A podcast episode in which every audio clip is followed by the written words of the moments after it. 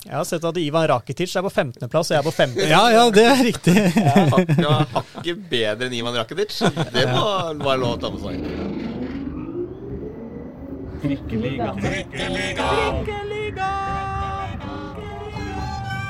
Velkommen til eh, Trikkeligaen. Sesong 4, episode 35 har jeg fått opplyst at eh, det er. Det er Håkon Thon som prater. Nok en gang vikar for Aslak Borgersrud. Eh, Med meg i studio så har vi en gjest, men vi kan ta de faste først. Reidar Solli, hei hei. Hjertelig velkommen. Hei hei. Hei, hei. Og eh, på enden av bordet, Pål Karstensen. Takk, takk. Hei, hei. Hyggelig. Eh, så har vi med oss en gjest i dag. På Wikipedia så står det Robin Gravli Rask er en norsk fotballspiller som spiller for KFUM. Og det er det hele. Eh, men det er jo på en måte en stor del av historien nå. Det har blitt mange sesonger der. Men du er jo så mye mer. Du er jo kortspiller, padelspiller og golfspiller. Og jeg har skjønt at hvis man havner inn i kortspillergruppa til Robin Rask, så kan man, eh, kan man nå langt i, i fotballverden. Du har runda 200 kamper, eller har han det egentlig, for eh, KFUM? Vi har i hvert fall brukt litt tid på å kikke på, på hvor mange kamper du har, det har blitt siden 2016. Og ikke minst så er han kjent som en frisparkekspert, og kanskje den beste fotballspilleren i Norge som aldri har spilt på Eliteserien. I hvert fall eh, blant dem. Robin Rask, hyggelig at du er her. Yes, takk skal du ha.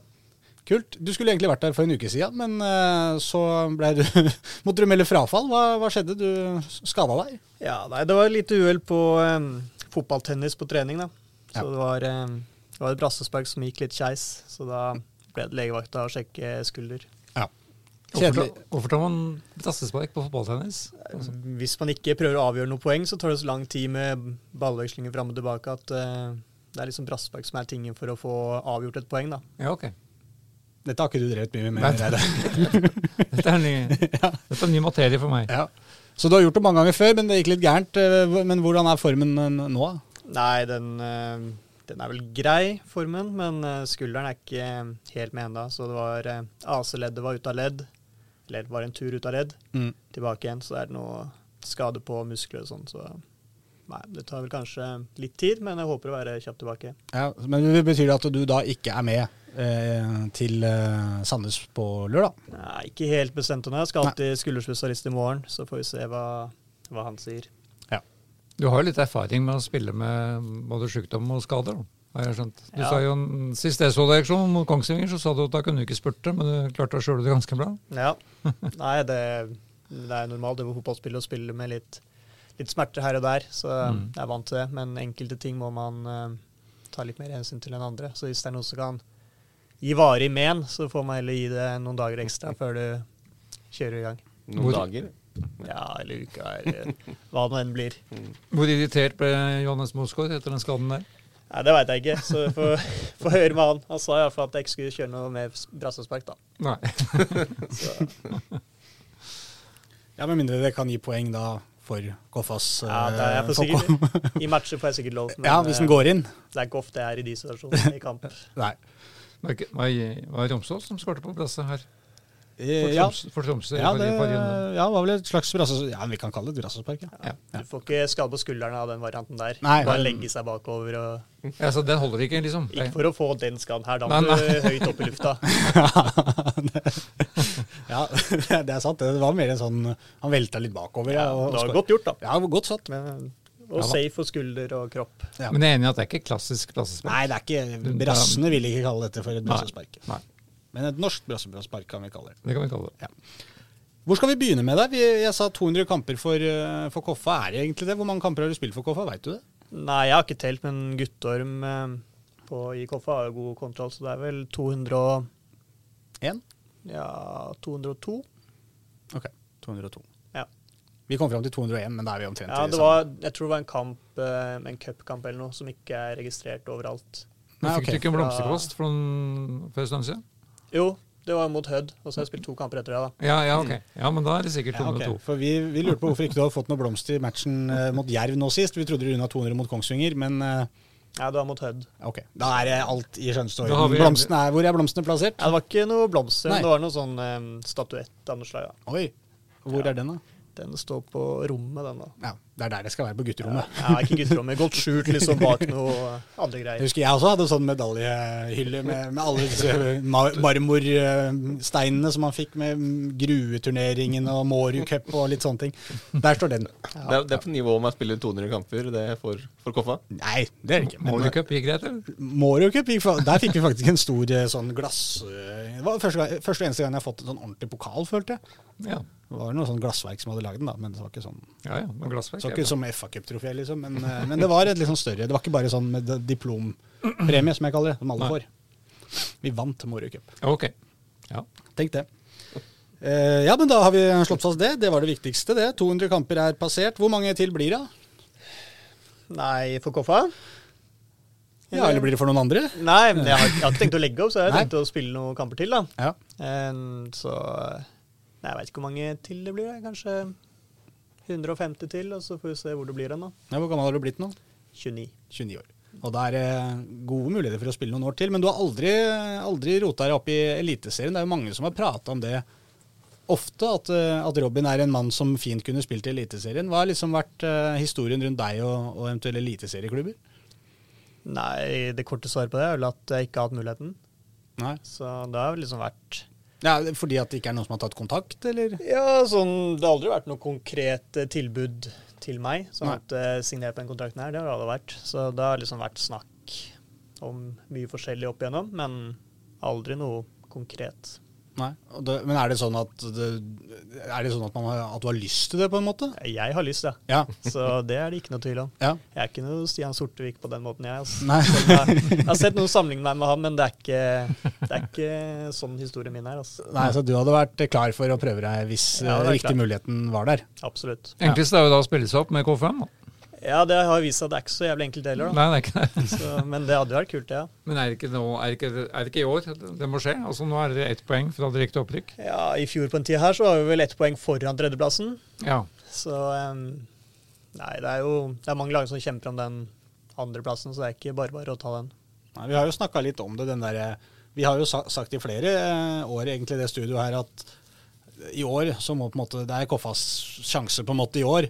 Og så kommer neste sesongen, og så er vi litt usikre, og så er dere der igjen. Og så sier vi det samme, og så kommer det en ny sesong, og så er det Det, liksom, bare repeterer seg. Og da har vi jo, vi har jo skrytt veldig av på en måte den gruppementaliteten som virker å være, eller egentlig mentaliteten i hele klubben, hvor flinke dere er til å Uansett hvor mange utskiftninger på spilleside og nå også på trenersida, så, så virker det som at den gruppa deres har en sånn der kulig tro på at det kommer til å gå bra uansett. Ja, eller så er det bare at kvaliteten på spillerne er så bra at uh, vi tilhører toppen av Obos. Ja. Og det er hvis du eh, mister en to-tre mann, da, og så blir hele gruppa ett år eldre, og så blir den kvaliteten på gruppa som helhet da, øker litt. Og så kommer det opp noen nye hvert eneste år. Og det er ikke mer som skal til, så er du her hele tida.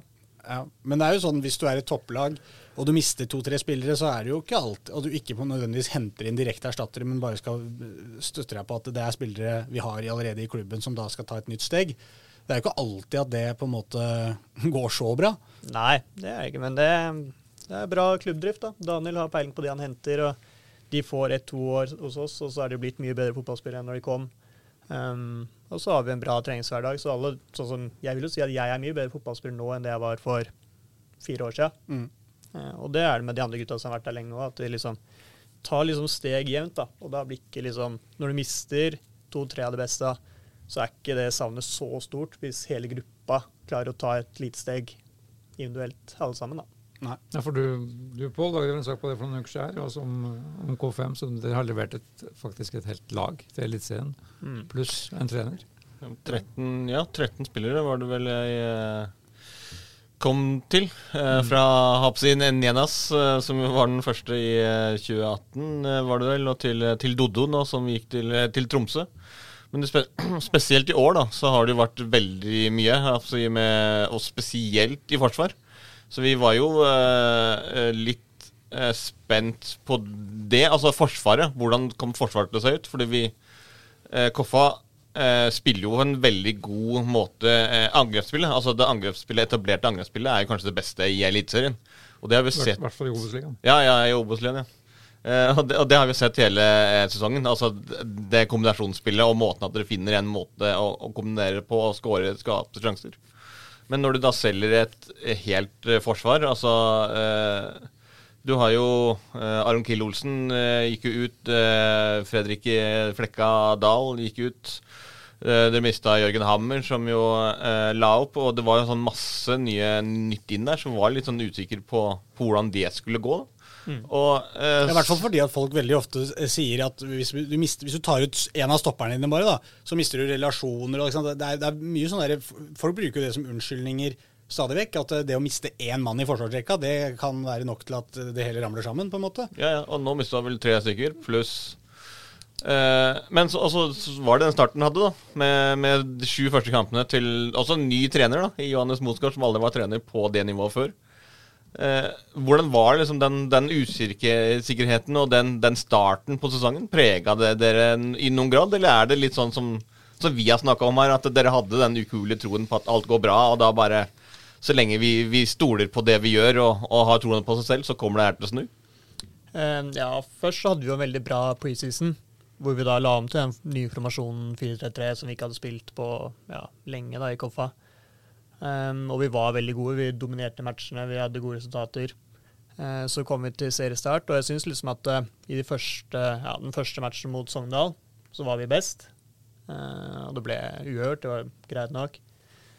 neste matchen da var vel Raufoss borte. Det var jo Da ble vi overkjørt. Der var vi ikke med i det hele tatt. Og det var liksom eh, første matchen hvor vi ikke hang sammen som lag. da. Mm. Men de andre kampene etter det, så var vi liksom godt med, og vi, i de fleste matchene syns jeg vi var best, men vi fikk ikke resultatene. Um, men det er det jeg mener, der, der er det jo mange lag som, som, begynner, altså som, som, får en trend som blir negativ. da. Skeid har jo litt det samme. De har jo hatt en sesong hvor de, de starta sesongen så som så, så, men så har de aldri klart å spille på seg den selvtilliten eh, som de trenger for å få med seg noe. Og dere går seks kamper i starten av sesongen uten å ha vunnet, og så plutselig bare skyter det fart. Ja, men da var det jo etter de seks matchene, så la vi om formasjon til den 3-4-3-varianten som vi hadde bra suksess med i fjor. Uh, og så fikk vi jo da en seier mot Kongsvinger, hvis jeg ikke husker helt feil. Mm. Og så uh, et nytt tap mot Fredrikstad. Mm. Og så kom rekka, da. Og da er det jo litt kombinasjonen at uh, litt flyt et par kamper. du får den uttellingen du ikke fikk i starten. Og så når da liksom når vi liksom har kommet i fart da, og vunnet en 2-3, så seilte vi liksom videre på den. da. Og ja, vi veit jo liksom at uh, i gruppa vår så er det nok kvalitet til å vinne over hvem som helst i Obos. Mm. Og så lenge man ikke mister troa på det, og fortsetter å jobbe og gjøre de riktige tinga i hverdagen, da, så tenkte i hvert fall jeg at staten ville komme. Og det har jo vist seg å stemme. Ja, for det, føles litt ut som at dere har på en måte eh, fra tidligere sesonger òg gjort dette eh, før. Dere har vært gjennom Dere har jo stort sett alltid i løpet av sesongen hatt en periode hvor resultatene ikke helt har kommet deres vei. Og så har man snudd, klart å snu det, og man har gjort det flere sesonger på rad. Og Det er vel kanskje litt der det ligger, og at en del av dere som har vært der noen sesonger, vet jo også det, at dette her er ikke noe vits å være stressa for. Vi er gode nok hvis vi bare fortsetter å gjøre det vi skal. Ja, altså med mindre du er med mindre du er det desidert beste laget i serien, da, mm. uansett hvor du spiller, um, så vil det komme perioder hvor du ikke vinner så mange fotballkamper. Um, og da, da, Du kan liksom ikke gjøre så mye annet da, enn å fortsette å jobbe med det du har troa på, og, og, se på hva man kunne gjort bedre fra forrige match, og så bare jobbe videre. Mm. Begynner man å tvile på deg selv, da, ja, da er det er jo det mange gjør. Ja, det, det, er jo ikke ideelt, da. nei, nei, nei, men det vet jo, alle lag veit jo på en måte, ja. i teorien, at du, du, må jo tro på det vi holder på med. Det kan jo hjelpe litt for oss da, at vi har liksom hatt mange gode sesonger for Koffa da, mm. um, de siste årene òg. Um, men det skal jo sies at mange av de gutta som er nå, har ikke vært med på de gode sesongene i Koffa som ja, jeg i hvert fall har vært med på. da. Nei. Så de har jo ikke den erfaringen med seg inn. Nei.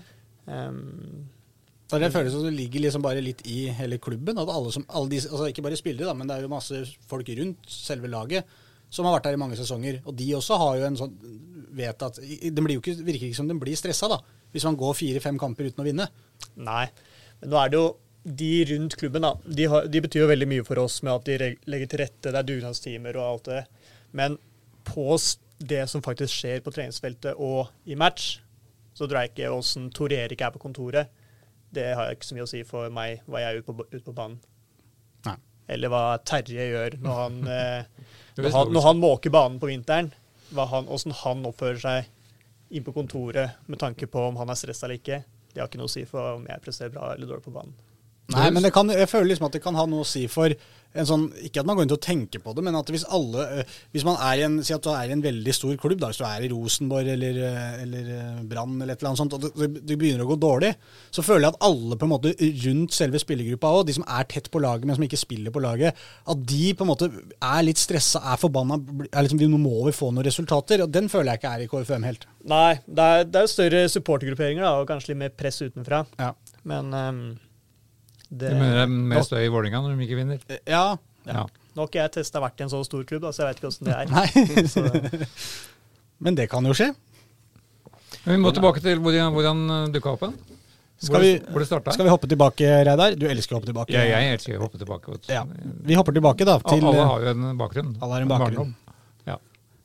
Barndom. Ja. 20, hoppe? ja, 29 år. Det vil jo si at du da er født uh, 94. 94. Du fikk akkurat med deg Lillehammer-OL da, hvis du er født i januar. Ja, 10. januar. Ja, Så jeg husker mye det derfra. var stilig det. Koss og gjengen. Ja, ja. Nei, det, det ble ikke vinteridrett på deg. Du var for ung til å bli bitt av den basillen, så da ble det fotball isteden. Hvor, eh, hvor starta det hele? Um, ja, det starta vel um, ja, da jeg var fem. Så siste år i barnehagen så hadde jeg mast lenge på fatter'n Siste år i barnehagen så hadde du mast lenge. Da hadde du holdt på noen år. om ja, han, han opplevde det som lenge, i hvert fall. Jeg hadde i hvert fall mast nok da, til at jeg fikk lov til å begynne.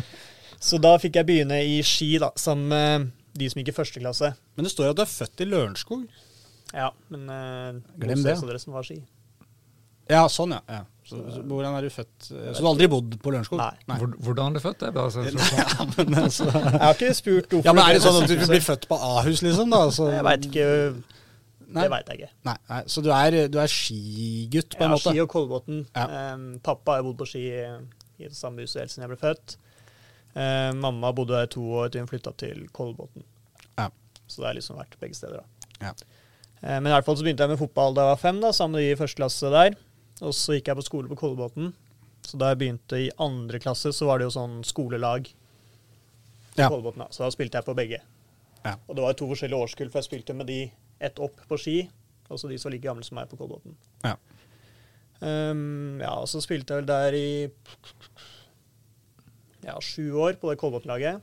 Og så slutta jeg der, og så bare fortsatte med ski da opp til 15. Da ble det Follo. ja, så du spilte ski hele tida? Ja. Derfor bare, bare spole litt tilbake i hjernen min, for jeg, jeg var jo lagleder for et 94-lag. Ja, da spilte jeg jo for Ski 93, da. Hm? Det var Ski 93. Ja, ok. Ja. Så du spilte et år opp, selvfølgelig. Ja. Men, spilte, du spilte, men du spilte ikke for Kolbotn IL, eller gjorde du det? Jo. Jo, du spilte for begge to. Ja. Ja, riktig. Og Kolbotn, det var 90 det var var 94. 90 det var 94-lag. Ja, riktig. Jeg bare husker vi var på et st- stortap ute i Men det var lang, mot Langhus 94, men der var da ikke du. du Ja, Langhus, det er jo altså for, forferdelig lag å møte, husker jeg. Langhus syns jeg var Langhus, det er vel Antonia, Antonio, Antonio Nusa-laget? Ja, det er riktig. Men jeg Det er det, husker, i, i og med at jeg eh, spilte min korte karriere i Klemmeshus, så var vi mye på Langhus, husker jeg. Og det var, de, de takla så hardt i, ute i Langhus. Ja, ja. Kolbotn syns jeg var mye hyggeligere sted. Der var det fintspillende og ålreit eh, fotball. liksom Langhus, det var kjøtting, altså.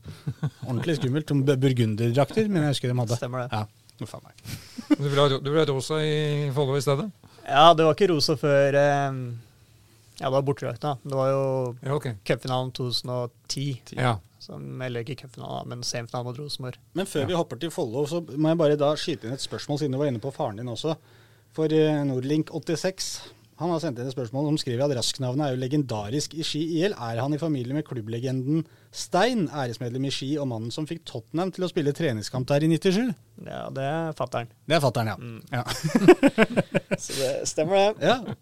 Dette var ikke noe kjent for deg heller, Reidar? Nei, nei, dette er utafor min sfære. Ja, men vi, eh, hva var det vi fant? Jo, jeg fant her at han hadde Var det i 2015, eller hva det var? At han hadde kommet med i senior var det, EM i golf, eller et eller annet ja, sånt? Det er nyere tid, men det stemmer, det. Ja, ja, ja, riktig. Men det, da sto det at eh, Skal jeg se om jeg finner den her. Alf Hansen og Stein Rask er tatt ut i senior-EM. Dette er Ski golfklubb som har lagt ut, og der står det Stein Rask vet i skrivende stund ikke om han har anledning til å reise. Og så kommer det litt lenger ned. PS. Da har Stein avklart at han deltar i EM, så det blei tur på han da, eller? Ja. Ja, dette var i, ja, dette var i fjor, dette. Ja. Ja. Men, ja, og uh, golfinteressen, den, er, eh, den sitter hos begge to, eller? Ja, men det skal jo sies da, jeg skal ikke snakke ned prestasjonen hans så mye, men det der er jo eh, handikap-regulert, da. Okay. Så det er innafor et visst segment, Ja. så kan du kvalifisere deg. Så det er jo ikke, det er ikke sånn han er Norges beste senior. Nei da, men Det er eh, innafor handikap 8-12, for eksempel, da. Ja. Så gjorde han det så så bra gjennom sesongen at han ble kvalifisert. Men, men, men allikevel så er det, virker det som golf er, er noe som står sterkt i familien, da. Ja, det er jo egentlig bare meg og han, da. Ja. Men Det eh, holder jo det. Ja, det holder, det. Så, eh, men han spiller betydelig mer enn meg. Okay. Han ligger jo på eh, ja, 150, 100, mellom 150 og 170 runder i året. Ja. Jeg ligger på ja, 20, kanskje. ja. 20 runder, en runde var det. Er det altså én dag på Ja, 18. feltet? 18-0. Ja. ja. Likevel så er det ikke Det er vel bare én som har spilt med Viktor Hovland? Av oss? Ja. Ja, jeg har gjort det. Så jeg veit ikke med dere, men jeg har vært på Nei, ja, det er jo Stein, da. Det tenkte jeg sikkert på. ja ja, det var jo det var ja, deg og og, fatter'n. og faren din. Ja, nei, han eh, gikk rundt og så på han Ja. da det fant sted.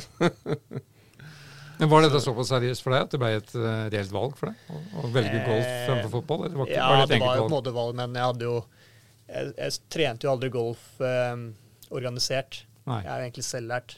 Ja. Så selv om jeg var bra på min alder da jeg var junior, så var det liksom jeg Følte jeg hadde brukt såpass mye tid på fotball da, at det liksom var veien å gå. Hvordan var det i forhold til Viktor Hovland den gangen? Eh, nei, jeg var jo tre år eldre, så når han Ja. kom opp, så var jeg jo bedre. Ja. Eh, så han, jeg har slått han i flere turneringer, men han har jo også slått meg i mange, da. ja. Den ene gangen vi spilte sammen, så slo han meg eh, med et par slag på den aktuelle runden, da. Som gjorde at han kvalifiserte videre til en eh, turnering som jeg ikke gjorde. Men det er jo liksom sånn Det er, Ja, det er jo litt Hvis det hadde vært forskjell der, da, så er det du nå som kunne stått der som vinner av eh, FedEx-cupen. Ja, I, det, og, det hadde ikke vært feil, det. Nei, ja, Hadde du ikke fått like godt betalt da, som man får i Koffa? Nei. Ja, raka inn eh, Dro vel inn eh, var det 285 millioner kroner Men på du, én uke. du hadde kanskje vært eh, Nei, jeg vet ikke. Hvordan er Viktor i fotball, da?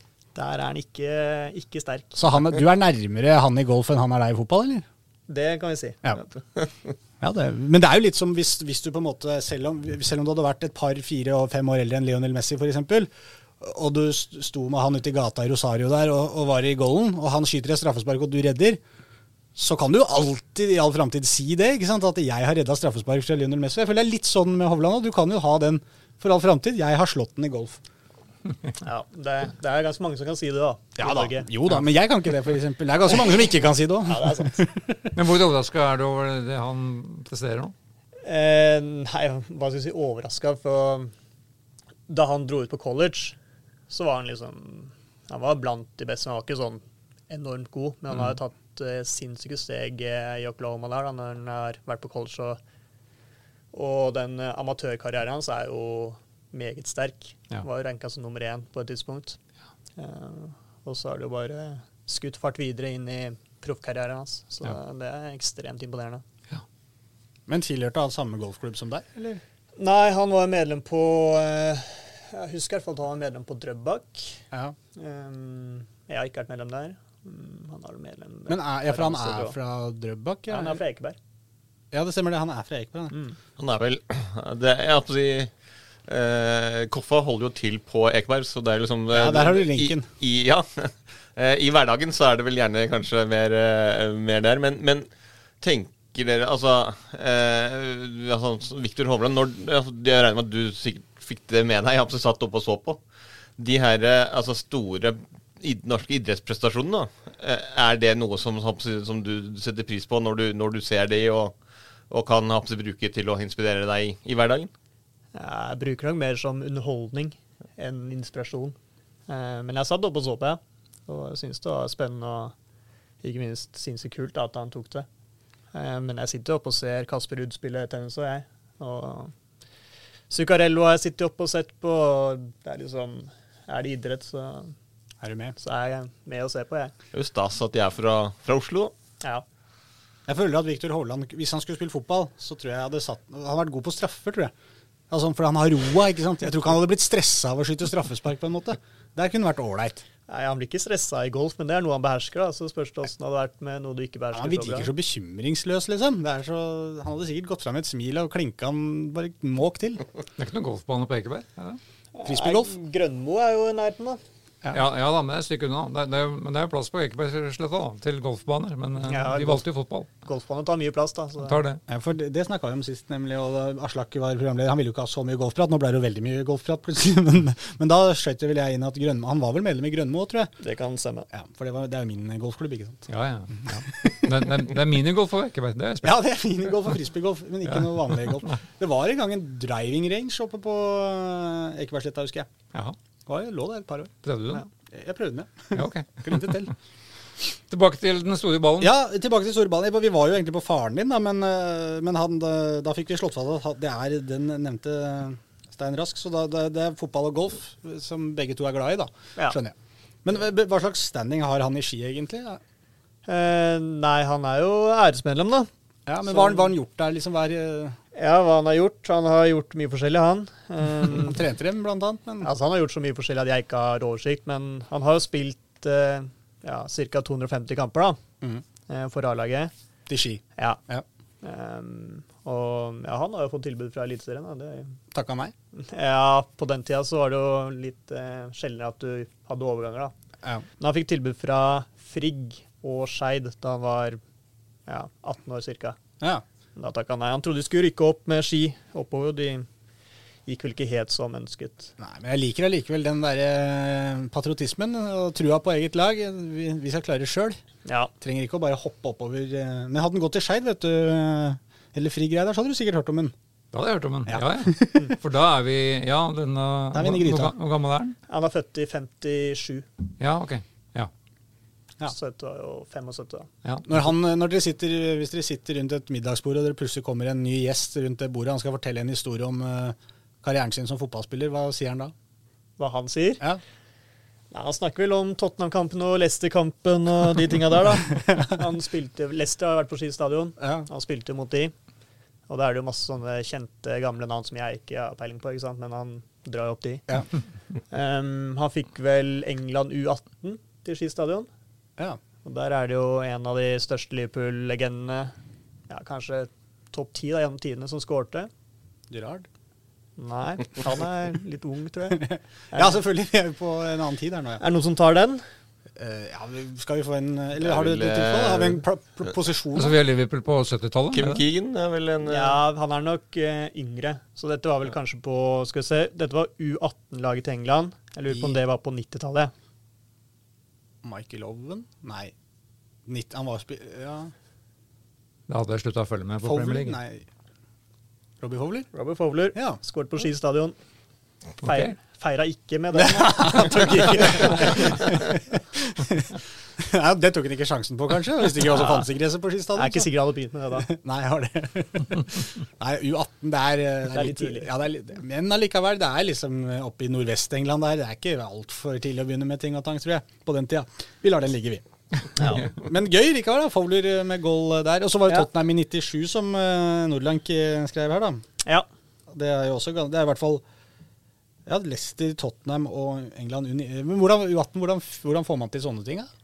Har han masse Eh, kontakter borte der, eller er det bare å ringe og spørre? Jeg vet veit ikke, men jeg tror, eh, sånn jeg har forstått det, så var det mer normalt på den tida at eh, storlag dro litt Ja, de, de dro ikke til Malaysia og USA, men Nei. de dro liksom litt andre steder, da. Ja. Og promoterte, kall det gjerne det, da. Fikk litt penger for det. Ja. Så det er vel det. Det føles liksom ut som at det er ikke så lenge siden at det, altså På den tida var det liksom enklere å bare slå på tråden, nesten. Sånn, vi har Ja. lyst til å spille mot dere. Ja, ja, vi har ikke noen planer denne uka. Ja, men da kommer dere. Det er fint. Ja. Morsomt. Ja. Men skal vi da kanskje bevege oss fra, fra ski, eller hvor vil vi hoppe? Du er jo Follo du er innom, da.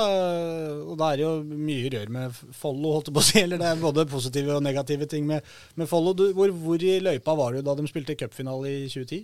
Eh, Jeg debuterte på A-laget året etter, Ja. så jeg var på juniorlaget da. ja. Hvor var du under cupfinalen? Eh, nei, jeg droppa å dra på Ullevål, jeg, så da satt jeg vel hjemme og så på. Ja.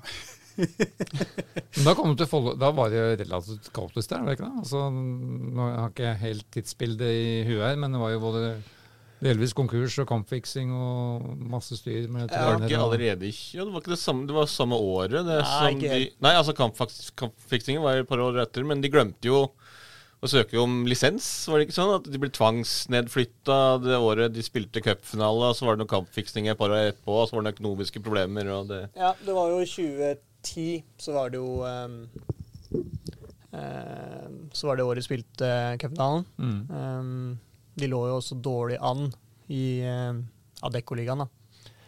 Så jeg veit ikke helt åssen det var, men jeg lurer på om de liksom Om styret så for seg at det ikke her, eh, her holder ikke plassen uansett. Og så ble ikke den lisenssøknaden inn, sendt inn, og så viste det seg at de vant eh, fire av de fem siste, eller hva det var da. Og holdt egentlig plassen. Ja, stemmer det. Men eh, ble jo da satt ned da, pga. det. Og så i kjølvannet av det så var det jo en del økonomisk eh, grufs og eh, lån og diverse ting som eh, kom frem, da. Hvorfor valgte du den å, å, å gå dit? Ja, det er jo Hvis du spiller ski, så er det liksom Follo som er Ja. De tok jo over plassen til ski, da, så det er jo egentlig Det er jo samme sted. Ja. Og det var jo 2009, så da var det juniorlaget. Og Mm. juniorlaget til Follo var veldig bra på den tida. Da var det jo et av de beste lagene i interkrets. Ja. Og eh, de hadde jo samarbeid med Ski videregående, som hadde fotballinje, hvor da trenerne på Follo var lærere på skolen. Så det var egentlig det som var naturlig hvis du bodde der. Ja, ja, ja. Hva husker du best fra tida i Follo? Hva jeg husker best eh, Siste kampen mot Jerv i 2015, da vi rykka ned. Det hørtes gøy ut. Ja, Da slapp vi inn seks minutter på overtid, og da havna vi under streken for første gang det året. Ja. Sånt husker man. Glenn Andersen fikk Ja. kake tilsendt av Fredrikstad fordi de holdt plassen pga. han. ja. Og der, der var Doddo med òg, faktisk. Ja. Ok. Han var i Follo det siste halvåret der. Ja. Hadde du Hans Erik Eriksen som trener i den satsen der? Ja. ja. For han havna jo siden i Han gikk jo til Vålerenga etter hvert. så- ja, Han gikk ut i Hødd etter det der, da. Ja, først Hødd, ja. Stemmer det. Ja. Og så uh, Vålerenga. Men det er noen år etter, da. Ja. Nå er han i norsk toppfotball, har jeg skjønt. Ja. Som trenerutvikler. Så, men, er det, men er det sånn at du, da du vokste opp måte med, i Ski, at det var, liksom, var det så lokal patriotisme med faren din at det, du var liksom Ski og Follo og dette som var liksom laga, eller er det sånn at du har følt andre lag? Eh, hva jeg har holdt med, liksom? Ja. Mm, Jeg har holdt med andre lag i barndommen, men um, ja, da holdt jeg vel med Rosenborg, men det er liksom sklidd ganske greit. ja da. Alle, alle, vi heier alle litt på Rosenborg en gang i tida. Eller mange av oss, i hvert fall. Nei, men sånn um, Jeg har ikke noen norske lag jeg liksom. Følger ekstra, da. Litt sidespor, men jeg var jo på den Kongsvinger-matchen her for noen uker siden. Vegard Hansen ble ufattelig irritert på deg. Ja. jeg bare overhørte noen samtaler i, etter kampen her. Og, hvorfor ble han det? Du, du har tydeligvis ikke Kongsvinger eller Mjøndalen som favorittlag. Ja, jeg ble jo irritert fordi at eh, jeg gikk bort når de hadde den sirkelen og snakka taktikk, da, at jeg gikk bort og var med. Ja, ja, du var med i sirkelen, ja. Ja, jeg jeg sto gjorde, på utsida litt ja, der. på da. utsida, men jeg gjorde det fordi jeg hadde keeperen. Keeperen deres legger seg alltid ned når de blir pressa og trenger en pause, ikke sant. Ja. Så han legger seg ned uten at det er skade. Alle veit det, men Ja. han får lov til å gjøre det. ja. Eh, Og da tenkte jeg at ok, nå skal de legge en plan da, for hvordan de skal demme opp for, for oss. da, For det var, det var vi som styrte ganske greit i starten her. Mm. Så jeg tenkte ok, da rusler jeg bare bort da, så ser vi hva som skjer. ja. Han, eh, han syntes ikke det var dritkult, han. Han syntes ikke det. Nei, det så ikke sånn ut. Den der, jeg vet ikke om du har sett den derre eh, Når Norge spilte mot Tyskland i håndball for mange år siden, hvor det var overtidsdrama, hvor han treneren kommer bak eh, dommeren med knyttneven oppe og skal dra Ja. til han. Ja. Litt samme ansiktsuttrykket var det hos eh, Vegard der, syns jeg. Ja, Ja, for jeg men, bare overhørte han snakka lenge, lenge etter match. At han var så irritert på han der Tobias. men da har jo da har du egentlig eh, utført oppgaven optimalt, da, hvis du faktisk har klart å irritere på deg noen. For det er jo, eh, Vi snakka om dette her etter den runden, husker jeg. fordi at TV 2 også hadde jo noen bilder der som var litt morsomme, med Adam Given som oppdager at du står der og snur seg og spruter noe vann på deg. og et eller Ja. annet. Og det, eh, det, som vi om da, Du har jo i hvert fall fått fokuset litt vekk fra det de egentlig skal stå der og prate om. da. Hvis Vegard Hansen blir litt irritert og Adam Given mister fokus, så er det jo speider og provokatør Robin Rask gjort jobben sin. Ja, men jeg syns jo Jeg synes jo egentlig de fortjente litt uh, å bli litt irriterte der, da, når de du, kaller det gjerne ikke fair play, da. Men Ja. um, det er jo normalt, det er jo mange som gjør det. Mjøndalen med Tidligere år gjorde akkurat det samme. Når Ja. vi kjørte der borte, så var det en spiller som legger seg ned, og så går de og prater. Legger om formasjon. Ja. Skeiv ble beskyldt for det samme her. Ja, så Det er jo mange som gjør det, ikke sant. Ja. Men, uh... Jeg føler at det er litt sånn oppførsel litt den der som man holdt på på barneskolen. Å vifte opp i ansiktet på noen og si 'lufta for alle'. Altså, du, Ja. du kan jo på en måte Det er jo ingen, det er ingen som kan nekte deg å gå rundt på fotballbanen. Du er jo en del av ja. matchen. Så du, det, er- du har ikke, gjør ikke noe gærent med å stelle nei, og, de, en og spilleren deres har ikke lov til å gå av banen heller. Nei. Så, så du, du gjør ikke noe sånn sett gærent. Nei. Dette var et lite sidespor. Ja, det var- jeg, jeg det var skapte vekk fra Follo og, og Ja, var- som du holdt med, men som du da slutta å holde med. Ja, Du sto i hvert fall ikke blant eh, followers på Ullevål eh, stadion. Det var jo supportergruppa til Follo som jeg husker syntes var veldig morsomt navn. Ja. Followers. ja, de eksisterer fortsatt, de. De gjør det. Bra. Ja, ja. Holder Ja, nå går de jo opp i De leder jo klart. Ja, forhåpentligvis, da. Eller nå møter vi Koffa i morgen, da. Men eh, Ja. jeg tror de skal eh, sikre opprykket der, ja. Og det er jo det laget som har vært nærmest å slå Kjelsås ut av cupen i år òg, så. Det er det også. Ja, De er det eneste laget som har fått møte Kjelsås på hjemmebane òg.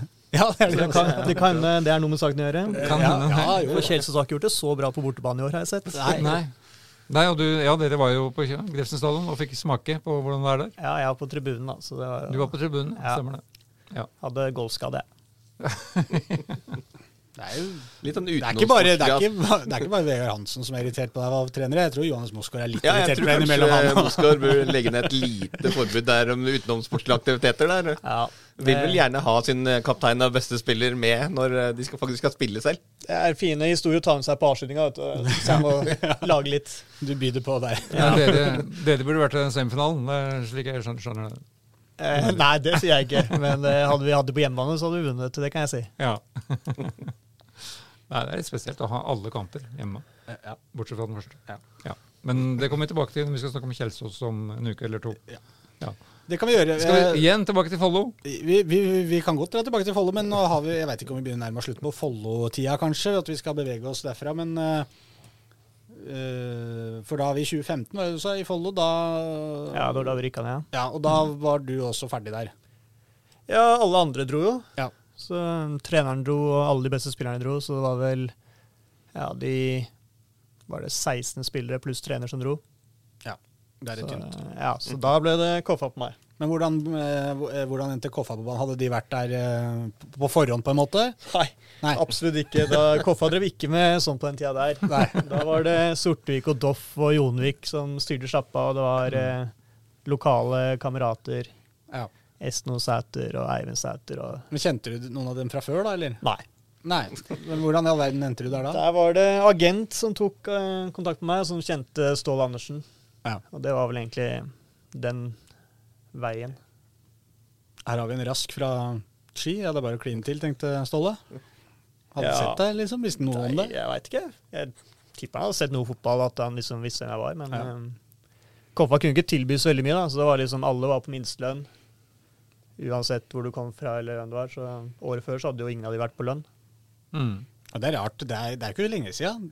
Nei, det var jo da 2015 og Sju 2016. år siden. Ja. Syv år siden. Ja, for Jeg så på, jeg jeg elsker jo å se på gamle lagoppstillinger, men som du sier, da, da spilte både Doffen og Kristoffer Dahl da, og Stian Sortvik, og, og da var vel liksom KFM eh, I den grad man kan kalle noen Norges Barcelona, så var, det jo, så var det jo det laget der. Mm. Altså Det var jo ballbesittelse 80-20 80-20 nesten hver, hver eneste kamp. Ja. Og sånn skulle det være, fikk man inntrykk av. Og da kom du inn på den Du skulle slå deg inn på den midtbanen der med folk som likte å ha ballen, for å si, si det Ja. enkelt. Men det passer meg fint, det. Jeg liker Ja. å ha ballen, jeg òg. Ja, det var kamp om å ha ballen på det laget. ja, men eh, vi ville jo ha den samme, da. Men da var det da var det 4-3-3, da. Mm. Um, så da gikk jeg inn på en dype der, og så var det Doff på indreløpet, Sortvik på indreløpet, og så ble Jonvik da flytta til venstre bekk, da, Ja. for å få plass til alle fire. Ja. Hvordan, jeg vil innrømme at det var litt forskjell fra Follo-fotballen til, til Nei. å komme i Koffa. Nei, Follo på den tida var jo eh, enda mer ballbesittende enn Koffa. Tror du det? Ja, det Follo var jo eh, Vi var eh, Ja, Hans Erik eh, Den stilen vi hadde under Hans Erik, da, var jo Det var vi som hadde ballen mest i alle matcher uansett vi møtte. Ja. Så sånn sett så var det ganske likt. Ok. Det var litt annen, vi spiller litt annen formasjon da i Follo. Der varierte vi litt med 4-2-3-1 og 3-5-2 og litt varianter, men Men eh, Så- filosofien var lik. Det er denne stilen du liker, skjønner jeg. Ja, nå er det jo Koffa i dag er det noe helt annet enn Ja. på den tida, da. ja, men du liker jo ballen, dere òg. Ja, ja, jeg liker jo Det er mye morsommere å ha ballen enn vi ikke har den. det er ofte når du har ballen at du scorer. Men det, er, det sånn. høres veldig sånn banalt og, og eh, opplagt ut. At eh, man skal være fotballspiller, så liker man å ha ballen. Men jeg store deler av spilt fotball syntes det var veldig ålreit å egentlig ikke ha ballen så mye. Altså, det, var, jo Johan Cruyff som sa, det, sa noe om det. at uh, enk, Enkle logikken. Altså, Hvis du har ballen i laget, så kan det andre laget skåre. Ja da, men jeg husker jeg likte jeg, jeg, Det var noe med at Det er sikkert mangel på kvalitet. da, at Jeg følte ikke at jeg kom til å få den til der når jeg fikk ballen. Men, men jeg synes det var sant, når, du har ballen, da må du være kreativ. Du må prøve å skape et eller annet.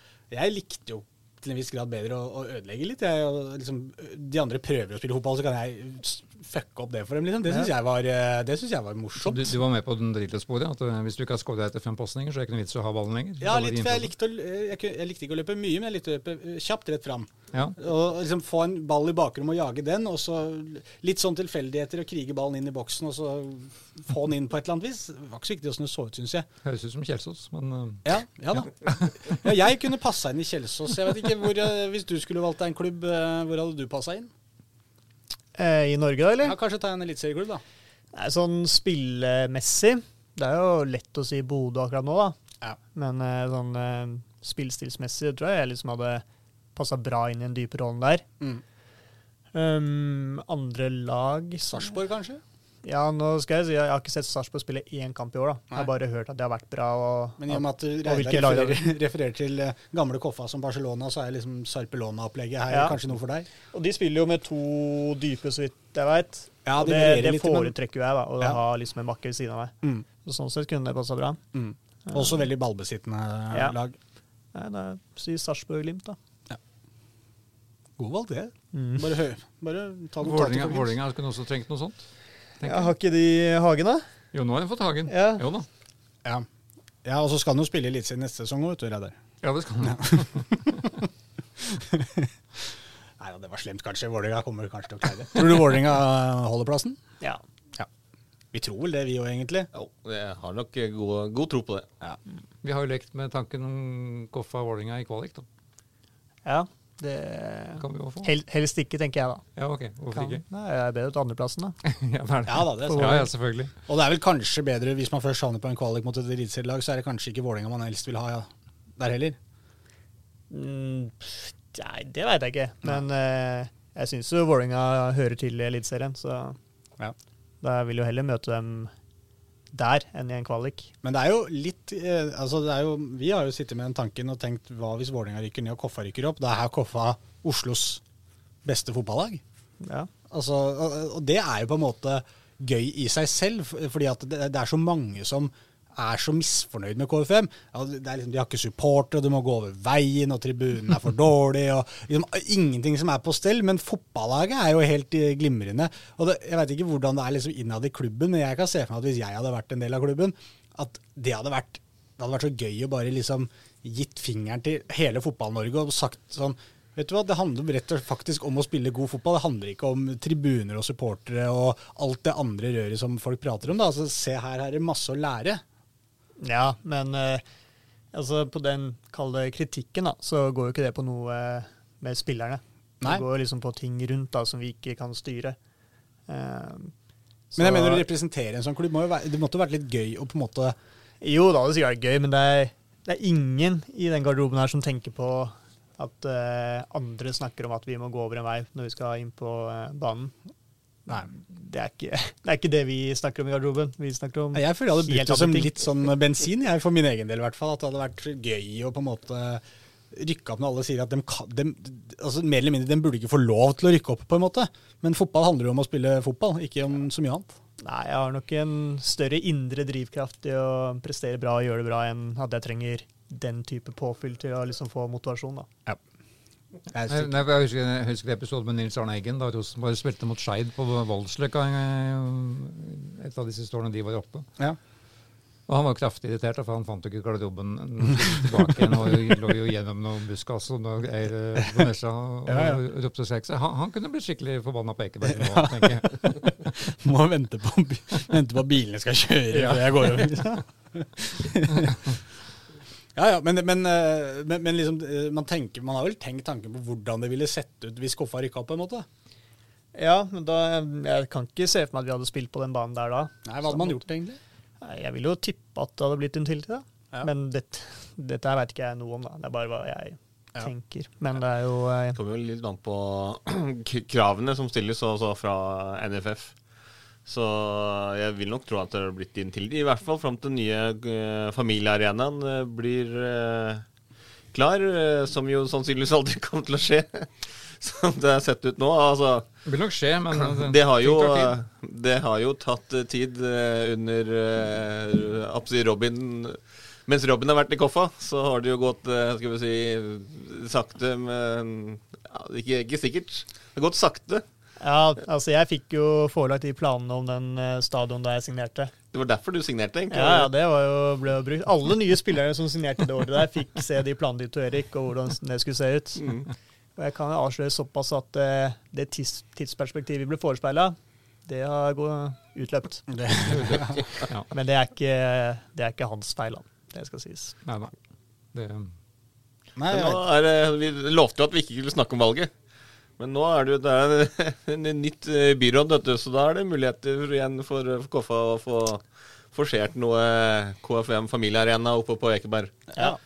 Så da får vi starte i gang med noe bygging. Hadde vært greit. ja, vi får se. Hvis, det eh, hvis du skal starte å bygge en hall, så er det greit å komme i gang med byggingen av hallen. Ja. ja. Skal vi bygge en hall? Nei, altså arenaen. Ja, ja.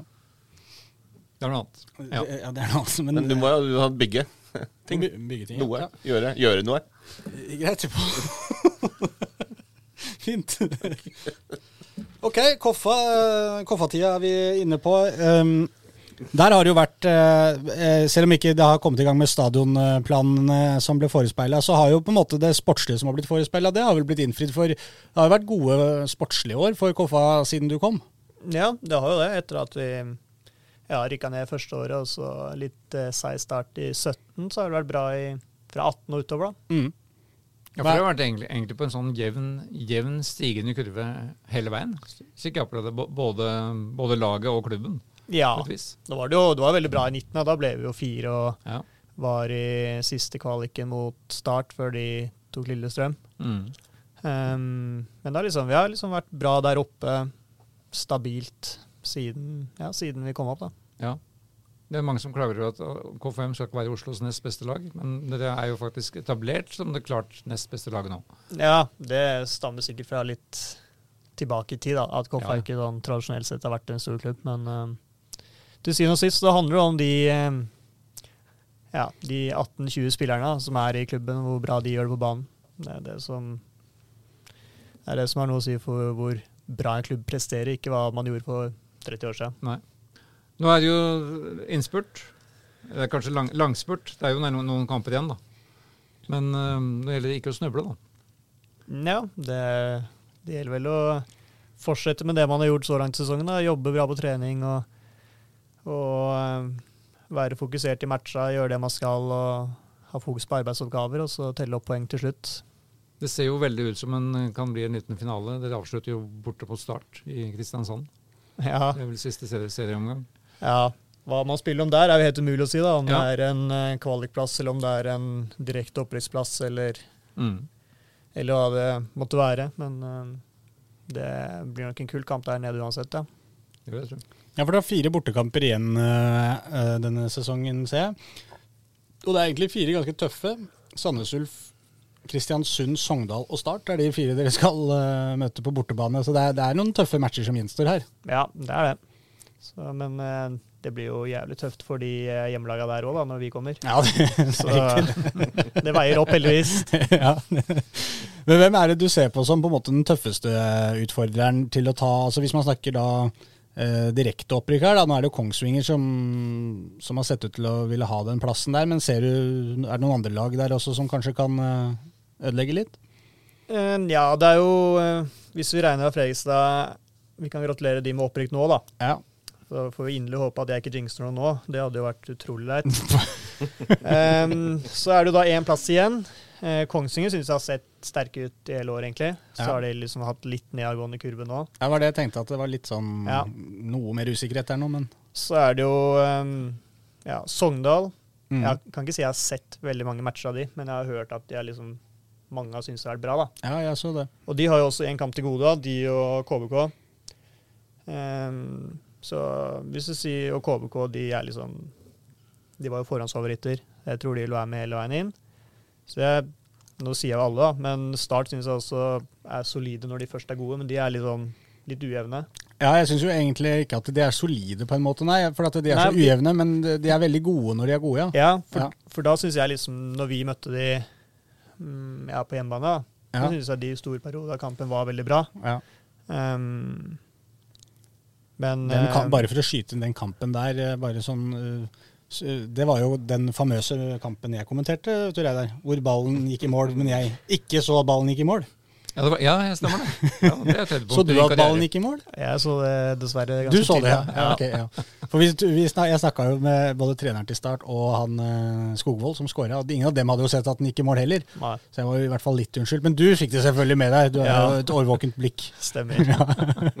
Nei, men jeg tror det er liksom de eh, fem laga da, kjemper om den plassen, og så tror jeg eh, at uh, Ranheim ikke kommer til å være med å kjempe helt om det, selv om de er oppe på 33 poeng. Mm. Og ned til Bryne og Sandnes Ulf, så Sandnes Ulf har én kamp mindre spilt, men jeg tror, jeg tror det står mellom de fem, fem lagene der, da. Ja. Så at det blir kvalik på dere, det føler du deg ganske sikker på, eller? Nei, ja, altså vi, Det må, eller må vel kunne si at man blir litt skuffa hvis det ikke blir kvalik nå? det, det kan man si, da. Ja. Det hadde vært mm, før sesongen nå, så eh, hvis du hadde spurt meg om jeg blitt skuffa om vi ikke blir kvalik, så hadde jeg sagt ja. Ja, okay, så det, så eh, selv etter de første seks matchene, så tenkte jeg liksom at eh, hvis det ikke blir kvalik, og den riktige kvaliken, da, så hadde jeg vært skuffende. Ja. Men husker, bare eh, sist, husker bare sist når de ikke nådde kvaliken. Akkurat den kampen på Raufoss, eh, Ja. 5-4 var det. Den snømatchen der oppe i ja, desember. Det er en av de mest minneverdige kampene jeg har vært på, tror jeg. Ja. Jeg mista rett og slett oversikten over um, antall mål en periode i andre omgang. Ja, det var sikkert kul kamp å se det. Det var, det var morsomt. ja, var det det? Morsomt å se på, ja. ja, Ja, det var veldig gøy å se på. Altså, jeg husker jo spesielt det ene målet som dere hadde der. En av det var jo kanskje det beste målet denne sesongen. Ja. Altså Det var jo klikk-klakk-spill fra altså, ja, Og da hadde det begynt å snø kraftig. Ja, det var ikke lett å spille den første gangen der, for der var det mye snø på banen. Ja, ja. Men det var en sånn kombinasjon gjennom hele Altså det var så nesten sånn totalfotball, og ballen rullerte overalt, og alle var innom, og opprulling hit og opprulling dit, og overlapper, og det var ikke måte på. Så det var, altså, det var, Det var ja, det var et angrep der hvor, dere beherska at ballen gikk fort. På Ja. bratt underlag, husker jeg. Ja, og litt flyt med et par, eh, par pasninger her òg, men det, det så bra ut på TV. ja. Ja. Men dette er historie. Ja, Ja, dette er historie. Det skal skrives noen nye historier. Kanskje vi skal ta og kikke på noen spørsmål som vi har fått inn. For vi har fått inn noen spørsmål. Ja, det må jeg gjøre. Eh, Så er det bare for dere gutta hvis dere kommer på noe, og så stille andre spørsmål òg.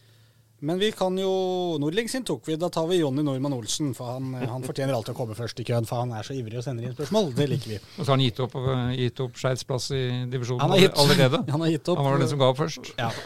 Og, Så han vil vel snakke om alt mulig annet enn Skeid i Trikkeligaen. ja, her vil han f.eks. snakke om VAR. Og han lurer på om Robin Rosk er for eller imot VAR, og minner om at det bare er ett korrekt svar. Jeg vet ikke hva det korrekte svaret er, men Ja, Det har jeg en sterk formening om. Ja, du har det? Eller jeg har ikke en formening, men jeg er ganske sikker på hva, Hva han mener, som er det riktige svaret. Ja. i hans bok. Ja. ja. Og det er Det vil jeg tippe er uh, imot VAR, ja. ja. Men hva sier Robin Rask? Nei, jeg er uh, Hva skal jeg si? Jeg er ikke, har ikke noen veldig sterke meninger for eller mot, egentlig. Det er en strålende inngang til en god debatt. Men jeg tenker sånn, hvis man hadde mm, Største problemet sånn det er nå, slik jeg ser det, da, Ja. det er jo at det ikke er eh, god nok kvalitet på de som skal eh, håndtere VAR. Ja, Da snakker du Norge, eller generelt? Da snakker jeg generelt i hele verden, egentlig. Og så er du kanskje litt med på den som mange har vært, tatt i mesterskapene så har det fungert ganske bra?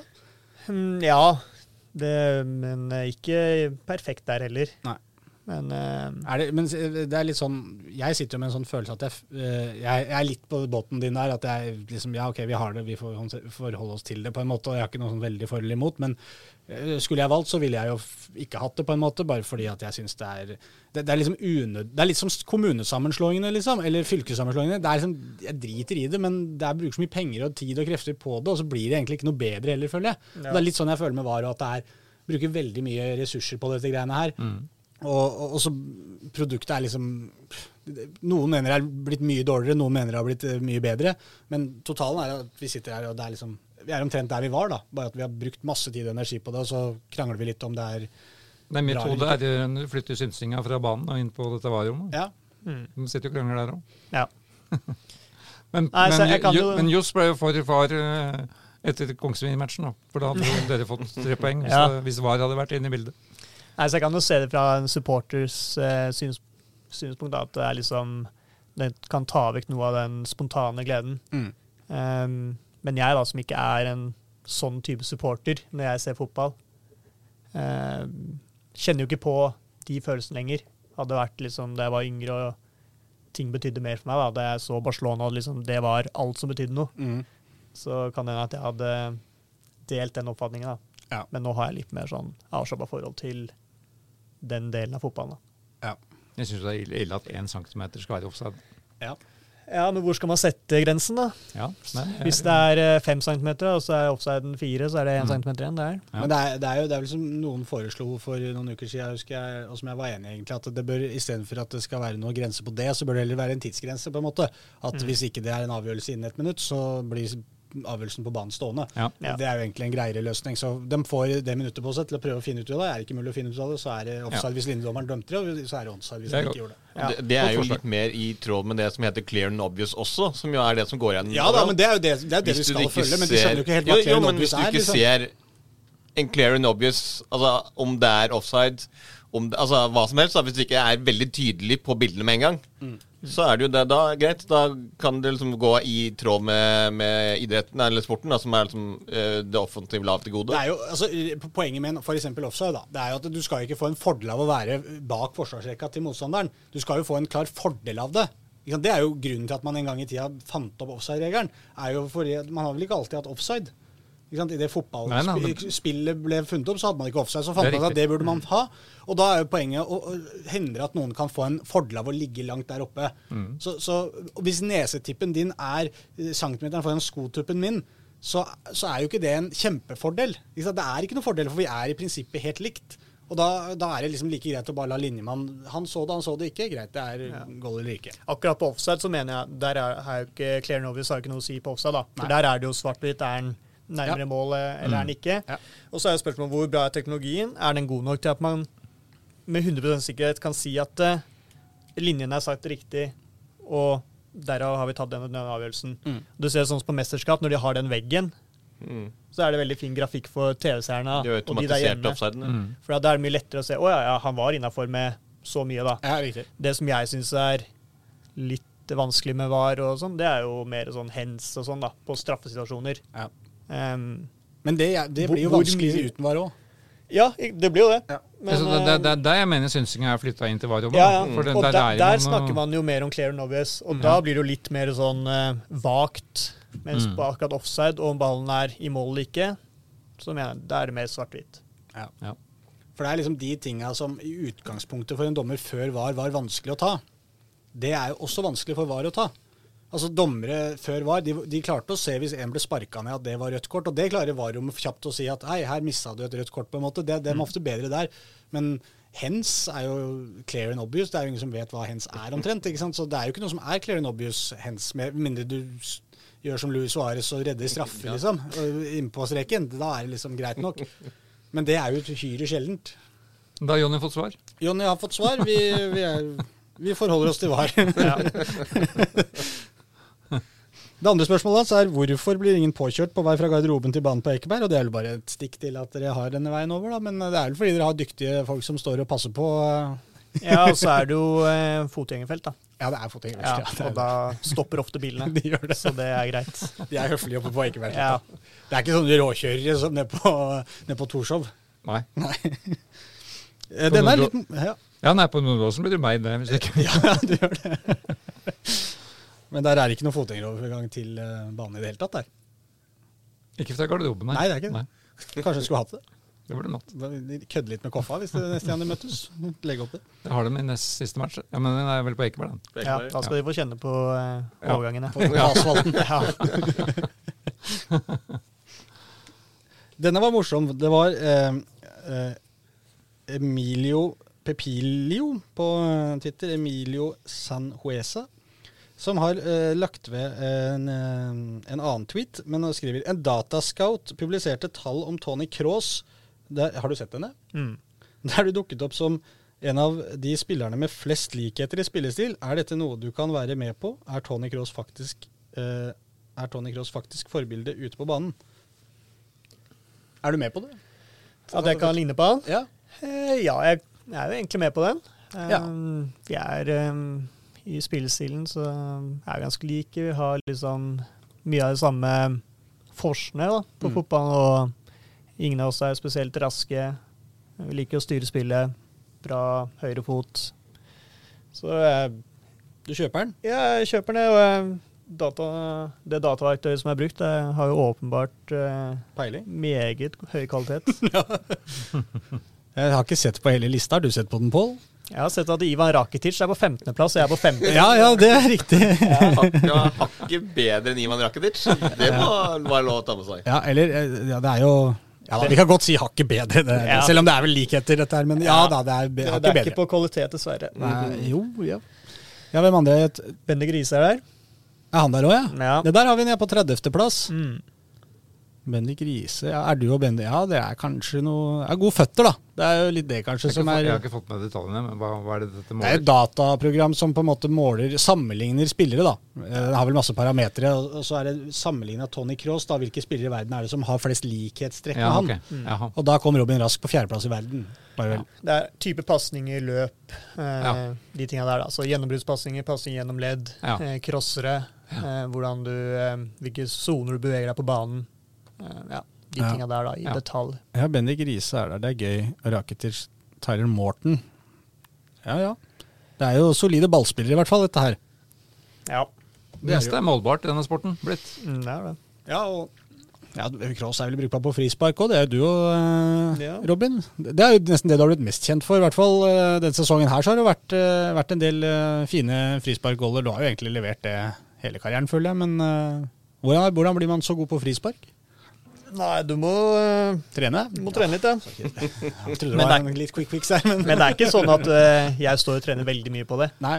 Fordi ja, sånn, Tidligere så er det ikke sånn at vi har fått kjempemye frispark, og da trenger vi ikke å bruke masse tid på noe som Aldri skjer. aldri skjer. Men nå har vi jo uh, noen spillere som er litt kvikke og litt kvikkere motstandere, da, så da blir det litt flere frispark. Så da har det blitt litt flere muligheter for meg òg. Men Hva- det er mulig å jobbe litt med det, altså med tilslaget på ballen, f.eks. Ja, jeg har jo liksom min type teknikk, og jeg lar meg jo på en måte inspirere av Ward Prowse mm. i Westham nå. Eh, For han har jo et ordentlig bra tilslag, både på, eh, både på direkte frispark og corner og andre typer dødballer.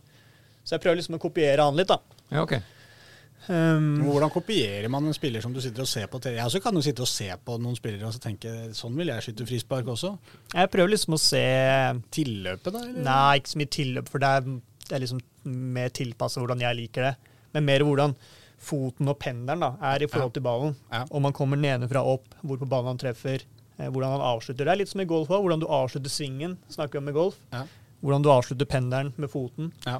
Um, og jeg liker da å prøve å få overskru, for da har du liksom mer å, å treffe på. da. Mm. Hvis du bare slår frispark med sideskru, så er det vel liksom? ja, Ja. så er det veldig vanskelig å, hvis det er for nærme mål, da, mm. å få den over muren og ned igjen. Da er det Ja. ofte at den bare flyter over. Ja. Så jeg prøver å få litt overskru, sånn at den liksom har litt større margin.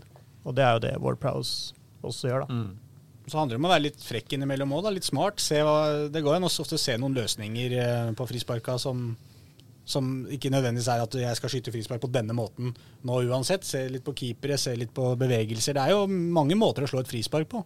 Ja, det, det er det. Men um, ja, hva skal jeg si? Jeg liker å liksom ja, Kanskje jeg ikke skal si det, men jeg liker å bestemme meg, da. Ja. Nå skal jeg gjøre det på den måten, sånn at det ikke blir sånn, er noe tvil når jeg starter tilløp på forberedelsene. Er, er du kresen til ty type ball? Det er noen som sier at det er viktig hva slags ball det er.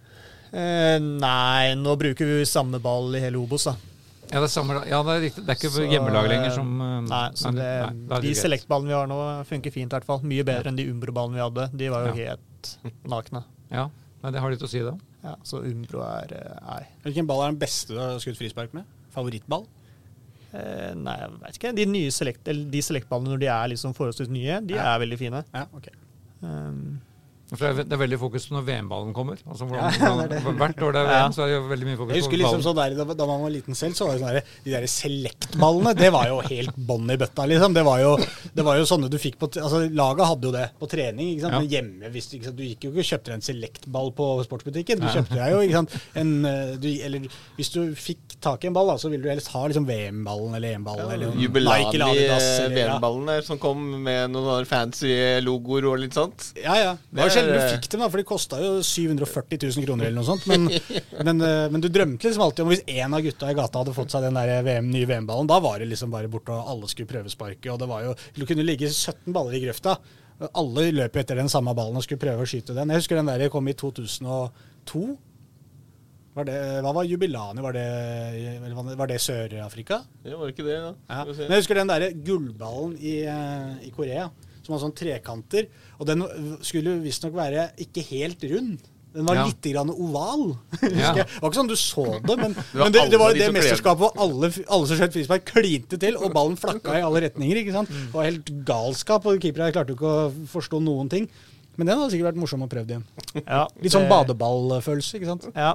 Det passer nok ikke min eh, frisparkteknikk. Det er det mer eh, Roberto Carlos og Ja. Juninho og de gutta der. Mm. ja, for Carlos kunne dra han rundt muren. En gang i hvert fall. Ja, i hvert fall en gang. ja. Ja. Er, ikke, er ikke han, ble ikke han litt oppskytt? For det var vel egentlig bare Ja, det ene. det- var bare det ene frisparket vi så. Herregud, så fint, da. Men vi snakka jo litt om sist om, om, om frispark og innøvde frispark. Ja, ok. Vi snakka om Carlos en gang òg, skjønner du. Det er ikke så lenge vi snakka om det frisparket. Sier du det? Ja. Nei, men for, Nei, men dette med, med, Mange av oss er overrasket over at det ikke er flere innøvde varianter. Altså som, eh, at, at man ikke bruker mer tid på det. Ja, innøvde trekk. Det er Ja, sånn som i håndball. Det er mye Ja. innøvde trekk. Ja. Der får du liksom eh, Det samme angrepet blir jo satt opp hver gang, så det er Mm. liksom muligheten i fotball er det mer flytende, så det er ikke så enkelt. Men man kunne hatt innøvde trekk på frispark, det er klart. Ja. det, var, det var vel etter at Kongsvinger dro opp den der artige Ja. varianten sin. Ja, den, uh... Funka ikke, funka ikke strålende. Kan trene litt mer på den, kanskje. Den snakka vi om sist, ja. Det stemmer, det. Ja, var det vi gjorde. Ja. Men, øh, men, men det er liksom ikke noe man bruker mye tid på, eller? nei. Og jeg tenker hvis man skulle Man kunne gjort det, men hvis man skal bruke mye tid på et øvende frisparktrekk, så må man liksom eh, Hvis man skal få det til å funke, så må man sette av Litt tid, ja. en god del tid, og da spiser det av andre Mm. ting man ønsker å få gjennomført på trening. Så da er det jo Hvis Så det faller kanskje litt tilbake på det du sa om å trene på frispark når du visste at dere ikke fikk mye frispark. Hvis dere skal begynne å trene veldig mye på frisparktrekk, som dere kanskje får brukt én gang i løpet av sesongen, mot å kanskje trene på heller lange innkast, som dere veit at dere får flere ganger i løpet av hver kamp. ja, i hvert fall lange innkast imot, ja. Eh, Ja, for eksempel. Ja. Ja. jeg, har sett dere, jeg har sett dere trene på lange innkast for òg, jeg. ja. Det er for å forsvare oss. Ja, ok, kanskje er Vi, det. vi skal ikke sette opp eh, Vi har ingen som kaster langt, vi, så Men vi hadde en som kastet Aron Ja, ja, Ja. stemmer det. Han Da, da sto han og kasta til han fikk vonden, brakk ryggen omtrent, husker jeg. Ja. Og så tok han et par til. Mm. Så han kunne ikke spille den neste kampen, tror jeg, for han trente på lange kast. Nei, han spilte i kampen. ja. Ja, det er ikke mange innøvde frispark man husker. Altså, Jeg husker nesten bare Sverige i VM i 94. I Ja. en bransjefinale, kanskje. ja, men det er noen sånne varianter hvor du har frispark kanskje litt lenger fra mål, ute på kanten. Uh, hvor du spiller en ball ned på hjørnet og får slått et innlegg isteden, og litt sånne ting som, Ja, ja. som kan på en måte gi noe gevinst. da. Du hadde jo i VM nå, da, så var det jo uh, Ja, Wout Weghorst. Uh, ja, ne det Nederland mot Ja, det var jo Argentina. Ja, det, det var jo det. ti minutter på overtid. Det, det var jo altså, helt ekstremt. Og det er ikke så veldig vanskelig, egentlig. Den normale innødvarianten er på en måte at en mur blir satt opp, og så blir ballen spilt på den ene sida av muren, og så er det en som stikker på den andre sida av muren. Og så er det bare å slå en Kall det en vegg da, med ettdørspasning tilbake. Det er liksom en standard som mange har gjort, da. Um, Ja. og, Men, men, jeg, men det er det jeg mener at når du står der og skal ta frisparket, så handler det jo litt om å være litt kreativ og se hvilke løsninger Altså faktisk se hvordan folk står plassert, da. Både Ja. keeper og medspillere. oss mot Fredrikstad i fjor, på Ja. hjemmebane. Det var ikke inne, da. Det var mer eh, spontant. Ja, ja. Men det er i hvert fall en eh, kort variant, da, hvis dere husker den. Hvor Eh, Mossa skårte. Ja, det, var, Spilte den inn på en som sto i muren der? eller noe? Nei, det var vel egentlig Det var frispark til oss på en 35, og så så jeg Mossa aleine, så jeg slo en hard pasning. ja, han stakk bak muren der? Nei, det var ikke noe mur. De Nei, okay. Fredrikstad hadde ikke satt opp noe ennå. Så var det en hard pasning inn til han, og så forlenga han den i mål, på en måte. da. Ja, riktig. Jeg husker den kanskje sånn vagt, selv om alt jeg sa var feil. Får gå inn og søke opp den, da. Ja, da, de som er jeg husker det var en greie der. Ja. Men det spiller jo kanskje ikke så stor rolle når du er uansett eh, skal skyte den ballen i mål. Ja. Litt sånn som eh, Jeg tror ikke James Ward Prowse eller Westham eller tidligere Southampton har prøvd Er West Ham tidligere Southampton? Ja, han har jo spilt jo tidligere Southampton. Jeg tror ikke de brukte kjempemye tid på å sette opp noen eh, innøvde frisparktrekk når de visste at fra 35 meter inn så skal James Ward Prowse skyte mål uansett, liksom. Nei, Nei, det var ikke mange som på en måte stakk på eget initiativ ut der og bak muren og litt sånn, for de tenkte at nå kommer han til å slå. Nei, hvis Luke hadde kommet til meg og kommet med noen eh, innøvde varianter fra 25 og inn rett foran mål, så kan jeg si her og nå at eh, de, de variantene hadde ikke blitt tatt med i kamp. Nei, de skrotes. De skrotes. Men du hadde jo sagt sånn høflig Ja, ok, ja, det høres spennende ut, den. Så hadde du Jeg- bare lagt det langt bak i skuffen. Jeg tror egentlig jeg hadde sagt uh, Glem det. Jeg tror jeg tar og skyter det. Ja, ja, prøver vi. ja. ja, det er, det er jo uh, interessant med frispark, egentlig. Og det, den derre um, Det som du sier med at om man skal liksom bestemme seg eller ikke. For jeg føler at det kanskje vel så mye er medspillerne som må ta et initiativ. Hvis man skal, sånn som den Fredrikstad-kampen, at det kommer et initiativ som du ser at Oi, her, dette ser lovende ut, faktisk. Ja, ja, det må være, må være flere som er på. Det holder ikke at det bare er han som er med ballen, er med. Nei. Og så føler jeg noen ganger sånn innøvde trekk og sånn, at det kanskje er litt sånn som dukker opp, eh, som du sier, spontant, men at man kanskje på treningsfeltet etter trening eller noe har stått og slått noen frispark. At man liksom, det handler jo litt om å kjenne medspillerne sine også. At du, du veit liksom hva, hva de tenker litt. da. At hvis du plutselig slår et kort frispark, så skjønner han, som du sier, inn der, og det er en sånn klassisk greie at da spiller du en sånn klikk på første, og så er du kanskje gjennom. Nei, det er sant, det. Det er ikke eh, skal jeg, skal jeg ordlegge meg uten å være slem, da? Men uh, hvis jeg ser en gitt spiller er ledig, så er det ikke sikkert at jeg spiller den pasningen. fordi at eh, hva som skal skje i neste trekket, så Har ikke helt trua på det. Nei, for eksempel, da. Ja, ja, ja. Enn hvis det er en annen da, som er veldig god i de situasjonene. Ja. Mm. Så jeg spiller opp eh, La oss si Nunes spiller jeg opp i trangere rom enn jeg ville spilt opp uh, en annen som er svakere i de trange romma. Ja, ja, ja. Ja, sånn, ja, det var jo sånn, du, du kunne Ja. jo se det da Koffa spilte med Stian Sortevik, f.eks. Så var jo, var jo Stian eh, stort sett omringa av to og tre mann hele tida. Likevel så var det veldig gunstig å få ballen fram til han, Ja. selv om det var folk tett på han, for han klarte å komme seg ut av det. Og du visste at det, det kommer til å skje noe mer framover i Ja, her. og det er jo med åssen du kjenner gutta. Og det er det samme med, med Obi, så kan jeg slå en bakgrunnsball. Hvis det er f.eks. Remi, da, som er i samme posisjon, så kan du ikke slå den ballen på samme måte, for at han er ikke like rask. Nei, han vil ha en annen ball. Men da, ja, han vil ha en annen type ball. Mm. Mm. Så, sånn gjelder det også litt på kjappe frispark, da, hvis du sier det, i Ja, trange ja. rom. Ja. Det var gøy. Vi fikk dratt opp Wout Weghorst sitt uh, herlige frisparkmål. da. Ja. Det hørte vi. Du hørte hjemme her. Ja. Vi fortsetter med spørsmål. Uh, Da er vi på eh, Quadrofenia. Hvor nære har han vært å signere for HamKam? Og vi snakka vel da Ja, det var jo noe snakk det var det Sa ikke du det, Pål, at det må ha vært etter 2020-sesongen? Da du sto uten uten Ja, for kontrakt? Du var jo uten kontrakt der et par år. Altså, det var ikke nødvendigvis med HamKam, men, eh, men, men, eh, da var det jo den sesongen etter som du ville sondere terrenget da, og komme deg opp til Eliteserien. Mm. Eh, Så gikk det vel to måneder eller halvannen måned eller sånn, før du signerte en ny kontrakt med, med, med Koffa. Eh, var du nå da eh, Hvor nære da HamKam eller andre lag i Eliteserien var du da? Da mm, Ja, da var vel Ja, ikke HamKam i Eliteserien? Var de det? Nei, men jeg tror ikke på det tidspunktet tror jeg ikke har vært snakk om HamKam uansett. Har det vært snakk om HamKam på noe tidspunkt? Eh, ja, de har vel vært eh, fulgt med. Ja. Eh, men eh, aldri så langt at eh, jeg har snakka med dem. Nei. Men eh, at det har blitt snakka med agenter og klubber og sånn, det, det tror jeg. Det er ikke Ståle Solbakken som styrer HamKam? Er- Ståle? Ja. Ja, jeg har i hvert fall ikke snakka med Ståle. Nei. De henter jo Tore i stedet, da. Så han Ja. fikk jo sjansen sin i, i Eliteserien. Tore Mye har han spilt? Han Spilte en del. en god del. Ja, Han var jo inne i laget og fast, han, og så ble han skada. Mm. Fikk strekk i lysken. Men, um, ja, men det han sikter til, tenker jeg, det er sikkert nå i sommer, da. Ja. For da veit jeg at det var litt rykter. Med Kamma. Ja, blant annet. Ja. Uh, men uh, Der har du et litt annet lag igjen, da.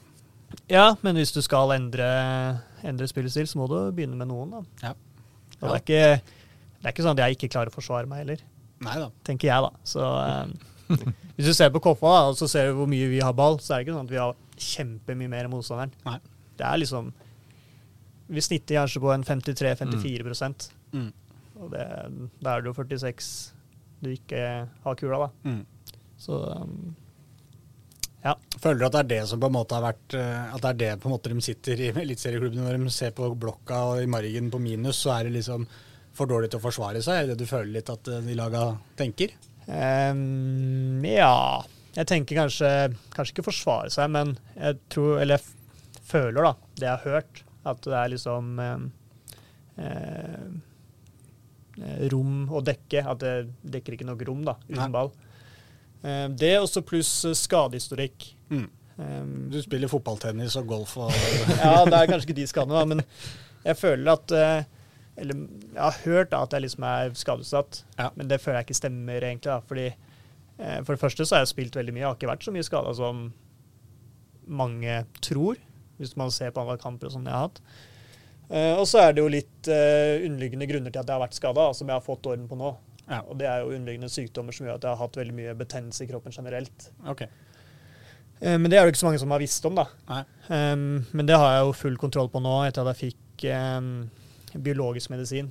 Ja. Det er noen sånne sprøyter som jeg setter på meg selv hver 14. dag. ok. Og etter jeg begynte begynt Og med du begynte med det, så har du blitt dritgod etter de sprøytene? Nei, ikke blitt dritgod, men jeg har ikke fått Nå får jeg ikke betennelser. da. Nå Nei. får jeg ikke betennelse i senefester i, i hamstringen. Jeg får ikke betennelse i plantarfasitten under foten. Nei.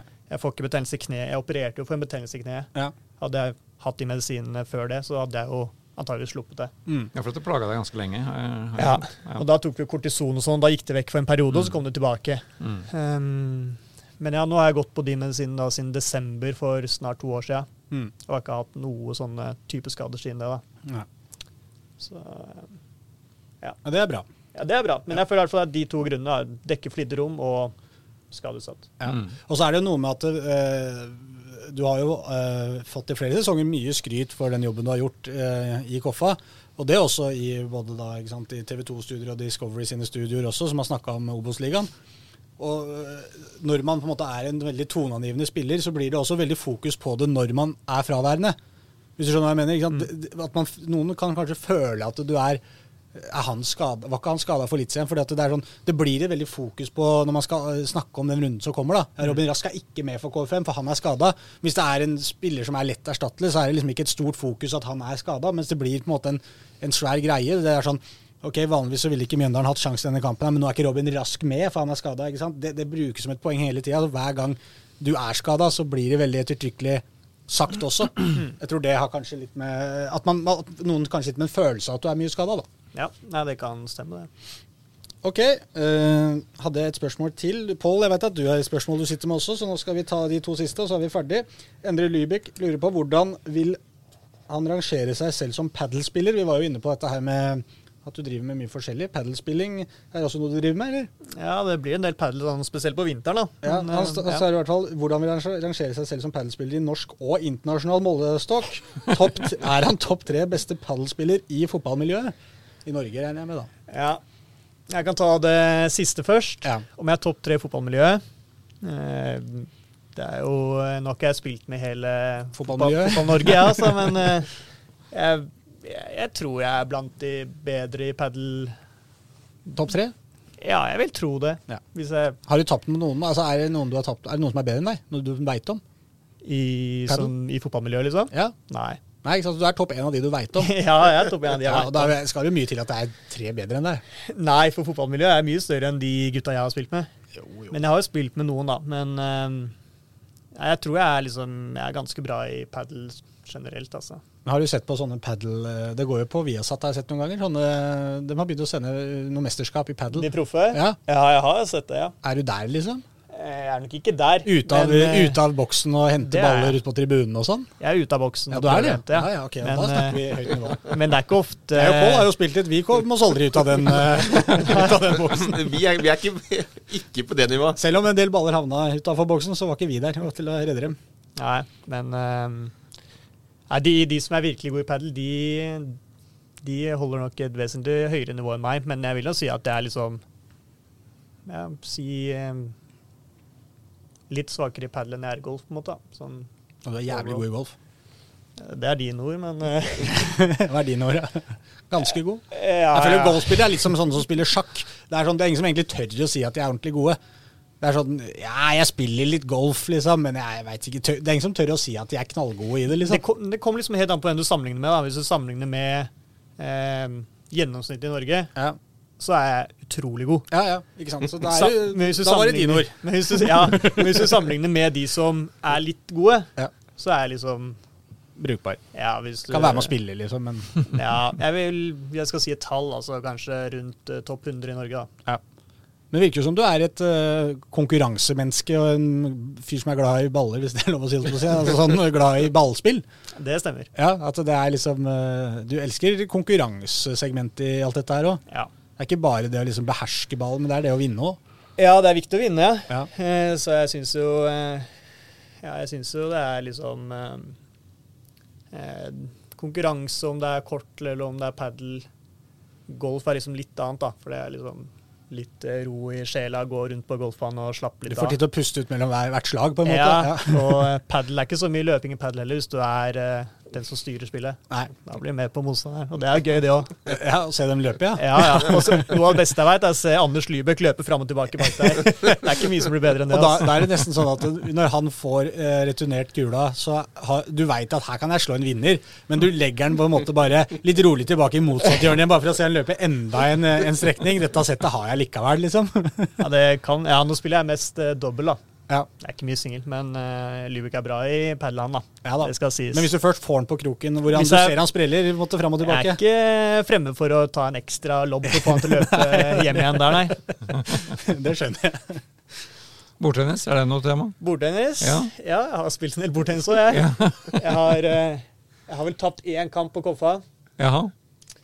og spilt kanskje Ja, dette høres så veldig Veldig skryt ut av, men jeg har kanskje spilt 500 matcher, da. Ett tap, et tap på 500 matcher? Ja. Hvem slo jeg? Eh, Delaveris. Oi. Okay. Det var godt at han forsvant. Ja, fort. ja, jeg har ikke spilt en match jeg, siden det Det knakk deg fullstendig. ja. jeg, spil, jeg spilte veldig mye bordtennis på ungdomsskolen, Ja, okay. Ja. så da spilte jeg ja, et par timer en time, ja, Mellom en time og to av hver dag. ok.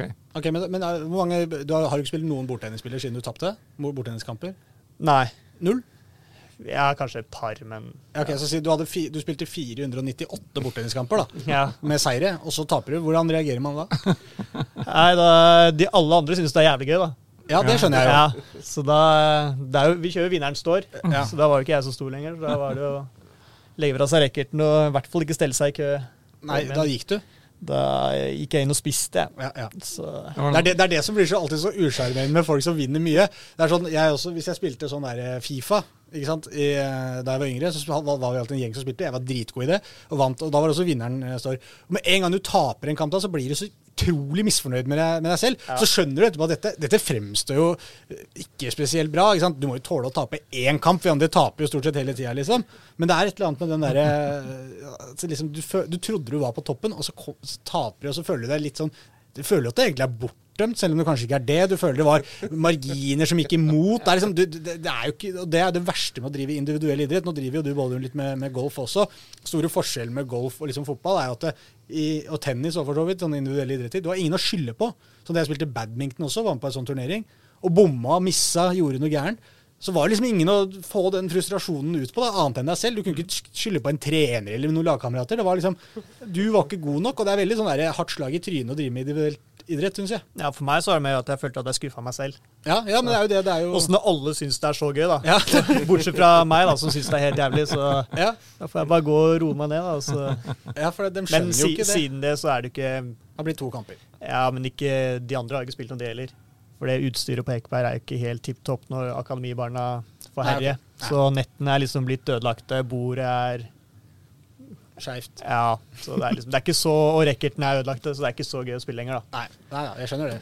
Hvis ikke du har nett, racket eller bord, så er det Nei. Så her må, her må de på jobb og fikse Ja, vi skulle hatt et eget bare for A-laget. Da Ja, skulle jeg nok ja. Ja, Igjen så kommer det veldig sånn Det er veldig usympatisk kommer ut av det. Vi skulle hatt et eget A-lagsbord, syns ja. jeg. Men barn har ikke samme Barn syns jeg ikke skal drive med bordtennis. De behandler ikke utstyr på eh, en ideell måte for at det skal vare lenge. Nei. Det kan jeg si. Nei, det, det, det er nok riktig. Ja.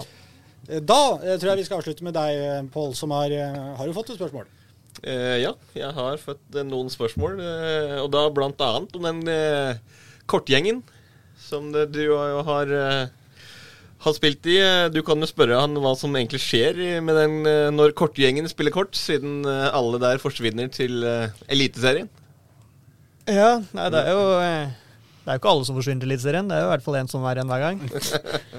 Så um. Hva var vel egentlig spørsmålet? Det er akkurat det. Det er bare Du kan jo høre med han. eh, For jeg eh, Det her er jo da en Ja, Mogdo er NGE. som jeg har uh, snakket med. Jeg snakka med han litt uh, i forbindelse med den her spillersalgssaken som jeg skrev. Ja. Eh, som jeg da hørte med, med, med Robin om. Eh, og så kan jo da spørre han om det, så svarte Momo da. ja. Hva som skjer med den kortgjengen. Fordi han sa at alle som er i den kortgjengen, da var forsvunnet til el Eli- Eliteserien. Er Momo med der nå? Mo er ikke med i Eliteserien. Han er ikke med der heller, men ikke med i kortgjengen. Nei. Han har vært med på én runde, så hvis han vil opp, så kanskje han skulle kommet litt oftere. Ja, ja. Men eh, nei, de som har vært eh, i kortgjengen, da, det er jo litt sånn eh, flytende av hvem som er der. Det er for de forsvinner. Men eh, ja. Eh, Skjærstein, Knut Skjærstein. Ja, rett ut, selvfølgelig. Ja, han var jo en av mine beste kompiser, og jeg bodde jo med han en periode òg. Hvor, hvor er han egentlig? Er han i Lillestrøm? ja. Nå er han på lån i Egersund, da, ute halvåret her. Ja, riktig. Men eh, han gikk til Lillestrøm, ja. Og så var det jo For det var noe snakk om Ålesund, men det blei Jo, var han ikke innom Ålesund så vidt? Nei, han fikk tilbud, men Koffa sa nei. Ja. Så sånn var det der. Men det var før LSK, da. Ja. Selvfølgelig. Um, Flekka, han er jo ivrig kortspiller. Mm. Veldig god kortspiller òg. Irriterende god, eller var det nesten deilig å bli kvitt den? Nei, liksom Nei. Jeg, da føler jeg liksom at det Da var du igjen på toppen. meg, da. Ja, okay, okay. Endelig er noen som liksom kan Ja. Det var liksom, når morfaren min kom hjem fra bridge og hadde tapt, så var det alltid makkeren som var elendig. ikke sant? Men eh, her, hadde- han kunne du spilt eh, på lag med på en måte i kortspill òg. Ja. Ja. Altså, så han var veldig bra. Og så har jeg hørt at når han kom til godset, så gjorde noe jo bord der med en gang òg. Så det er tydelig at han var godt skolert. Da, Ja, og da får du referanse på at nivået deres er ganske bra. Ja. Ja. Eh, Tore Sørås har vært med å spille mye kort. Ja. Han har dratt til er HamKam. Kan jeg skyte inn hva dere spiller? Eh, BB, Bondebridge. Okay, ja. Så det, er, det er ligner litt på bridge, men at det er eh, eh, individuell, da. ja ok. Men eh, ja, det er jo kjent kortspill i de fleste fotballklubber. Jeg, jeg føler at mange, veldig mange fotballklubber spiller mye kort på, Ja. på tur. Egentlig så burde det jo noen, altså Norsk Bridgeforbund, jeg vet ikke, eller hvem som, et eller annet, hatt en sånn turnering på utsida av turneringa, på en måte, med, hvor alle fotballagene stiller med sine beste kortspillere, og så hatt en kortturnering. Hadde vært Ja. litt stilig. Jeg hadde stilt opp, jeg. Ja, det er det jeg tenker. Men unnskyld, bare Hvis jeg skal fortsette rekka, så Var det Tore Sørås du var på? Ja, Tore Sørås. Ja. HamKam. Aron var jo med litt. Han uh, lærte vi å spillet, så han var jo litt svak i starten. Men eh, Kom seg fort, eller? nei, han- nei. Nei. Kom seg litt. Litt, det kom seg litt, ja. ja. Og så dro han fort. ja. Jeg Dro, ja. um, ja, og så var jo Klem var jo også med i kortgjengen min, da, men han, eh, han er jo ikke eliteserien, men han dro jo av nå, da. Ja. Til Moss. Ja. Så det er vel de i nyere tid. Men da er det store spørsmålet hvem er i eh, kortgruppa eller kortspillergruppa di nå, for det er jo da Hvem er neste til Ja, det er det vi lurer på. Ja, nå så er vi Ja, det er Emil Ødegaard, Ja, keeper. Så er det Fedler, okay. keeper. Eh, Lassen. Mm. Eh, meg. Det er liksom vi fire som er stammen. Og så er Keivan med innimellom.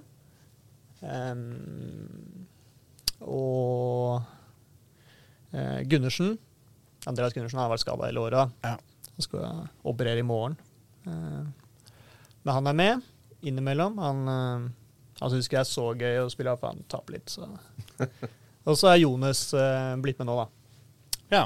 ja, han han- er jo allerede i Ja, så Han har jo lært litt fra Vålerenga, men eh, der var det nok litt Det var litt nivåforskjell fra den han er vant til, tror jeg, på kortspillingen. Ja, ok, Så det er bedre Dere er over Vålerenga òg, da? Ja, men der han er på den juniorbordet i Vålerenga. Oh, ja, okay, ja. Så jeg tror det er høyere nivå på seniorbordet. Ja. Der har ikke han fått uh, spille så mye ennå. Nei, jeg skjønner. men han er litt mer Ja, ok, men ja, hvem Da, av men disse da, ja, hvem er det du tror av de der som da, er nesten tar, tar, tar steget til Eliteserien? Nei, håp på meg, da. Ja.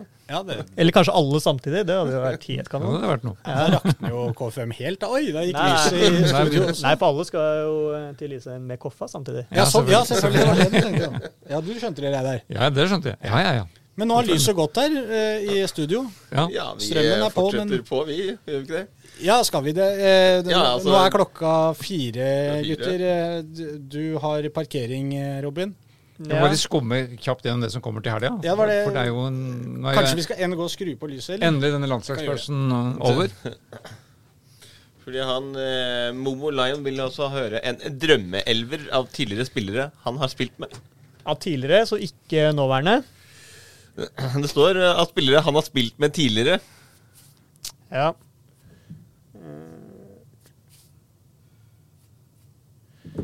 Ja, eh, nei, men skal jeg ta med de jeg har spilt med til som ikke er nå, da. Eh, da tar vi Knut Skjærstein i kassa. Um, og så blir det jo da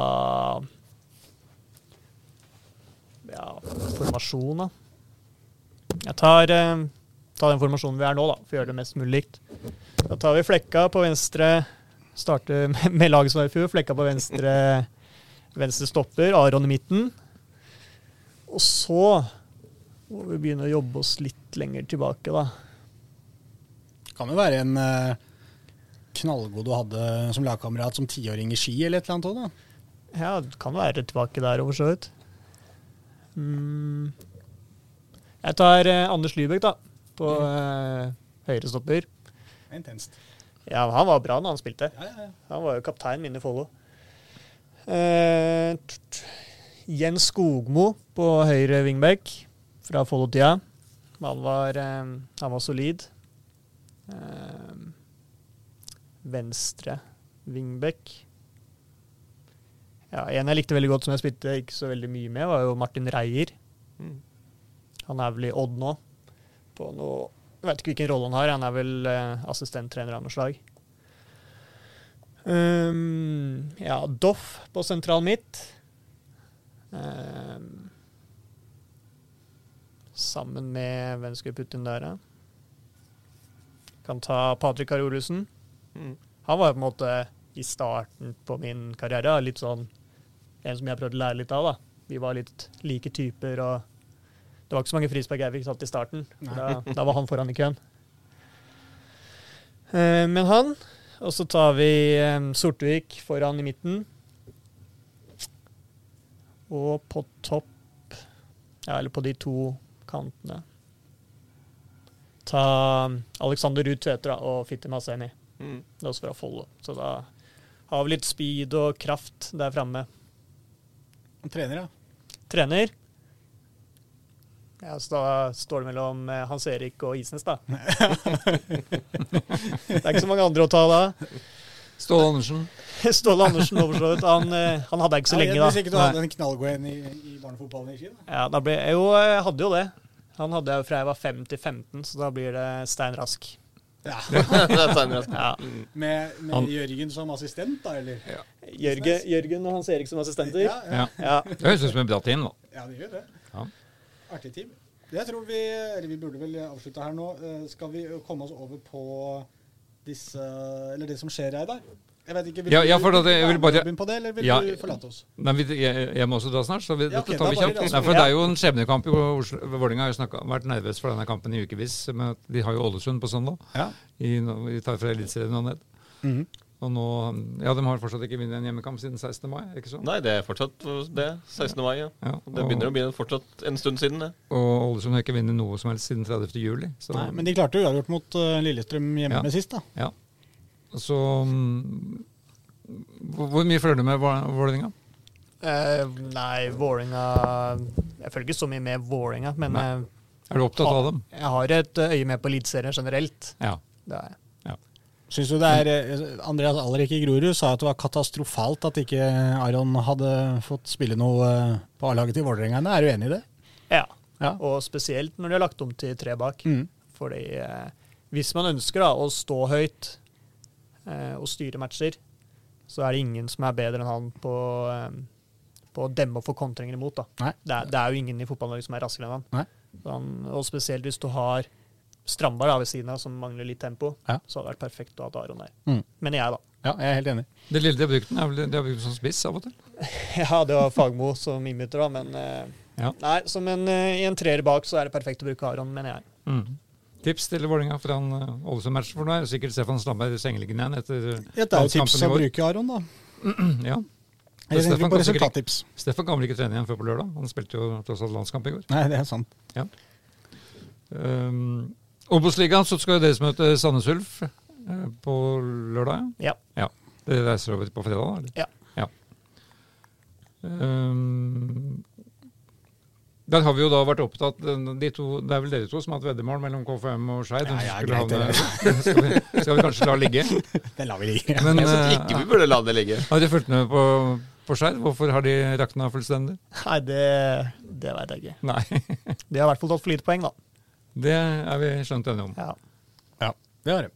De har Moss, Moss da på søndag, bort, også de på, på bortebane. Men de har Men nå er det sånn at jeg ser på kampene til Skeid, så er det sånn der jeg før tenkte sånn Ja ja, det er vel ikke umulig å få med seg noe fra Moss, liksom. Eller den kampen mot Moss.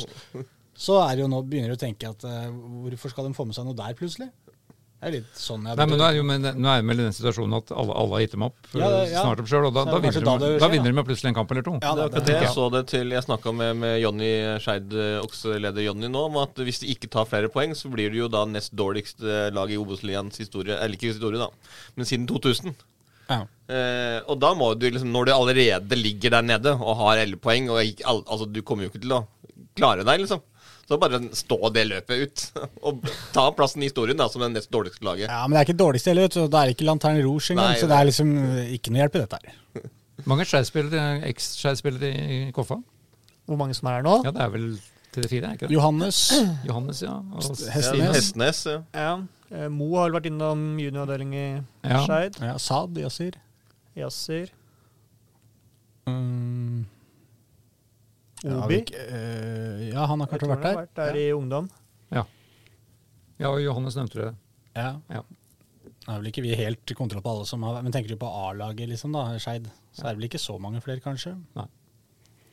Johs var jo hjelpe, hjelpemann der da Gard Halme var eh, hovedtrener. Så var jo han, før han ble KFM-trener, så var han en hjelpemann i trenerapparatet til Skeid. Frivillig. Ja, ja, det visste ikke jeg eh, om heller.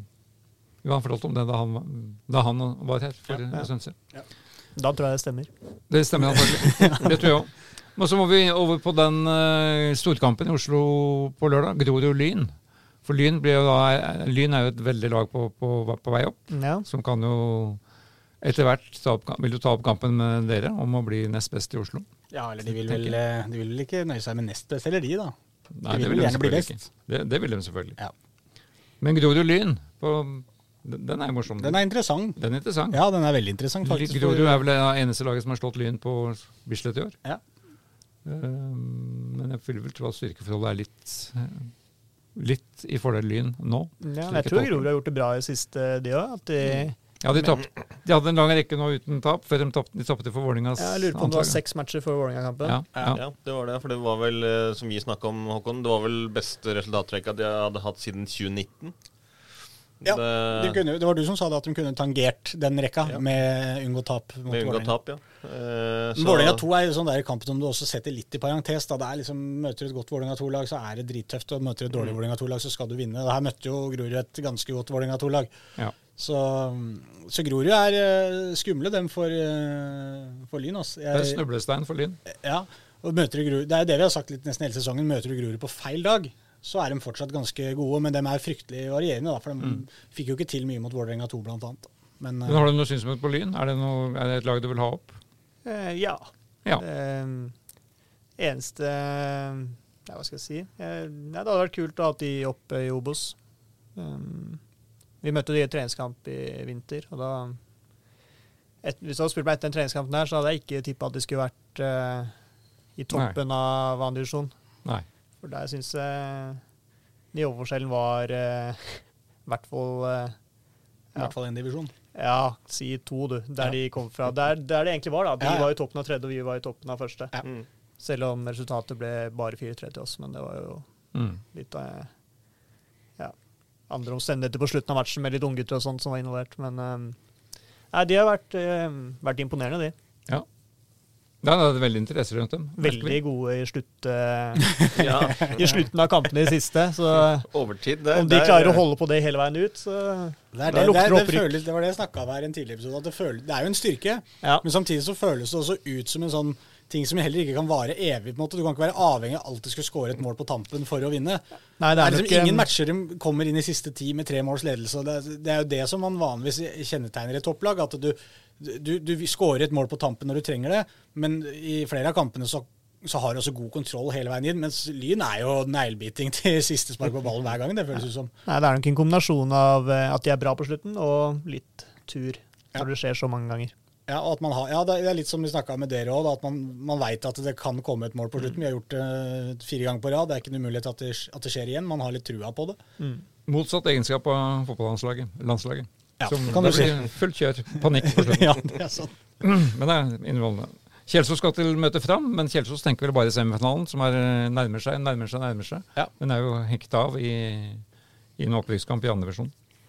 Det er vel to uker akkurat i dag til semifinalen. Ja, det er vel det, Det er 20. stemmer. onsdag om Det stemmer nok, Ja. Begynner klokka fire, selvfølgelig, for det er ikke noe lys på Grefsen stadion på den, den tida av året. Nei, nei. Nei. så onsdag klokka fire blir eh, kanon semifinale i cupen.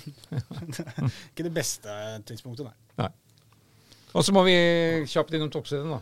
Og Ja. nevne at ja, ja, jeg, uh, Eller ja, både toppserien og Europa. Vålinga og Vålerenga-damene har jo spilt i Europa nå, og før det spilte du jo i, i cupen. Eh, det var jo et voldsomt drama i, eh, på, på Intility når de da skulle møte Celtic i altså kampen om å nå playoff-runden i Mesterligaen.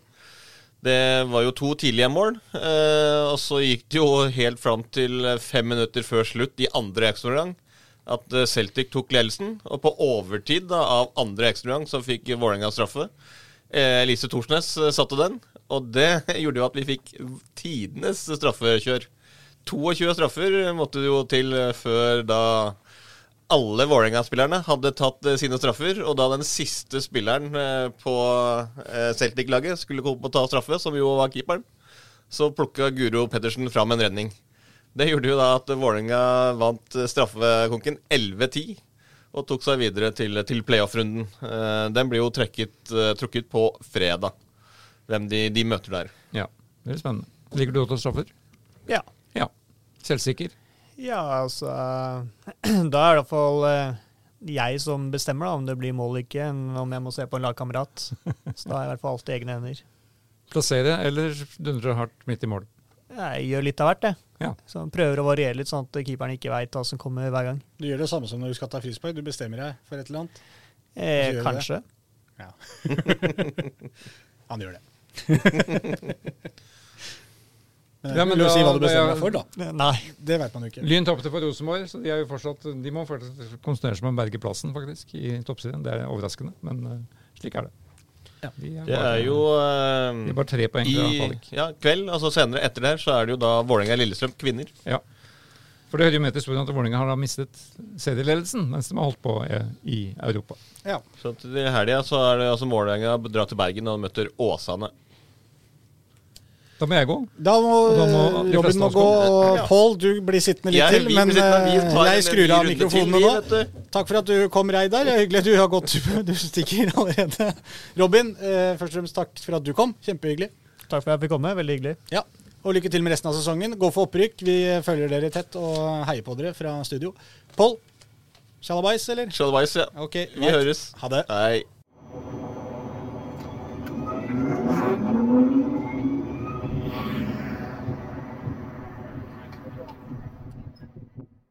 Du har hørt en podkast fra Dagsavisen. Ansvarlig redaktør heter Andreas Heen Haaland Karlsen.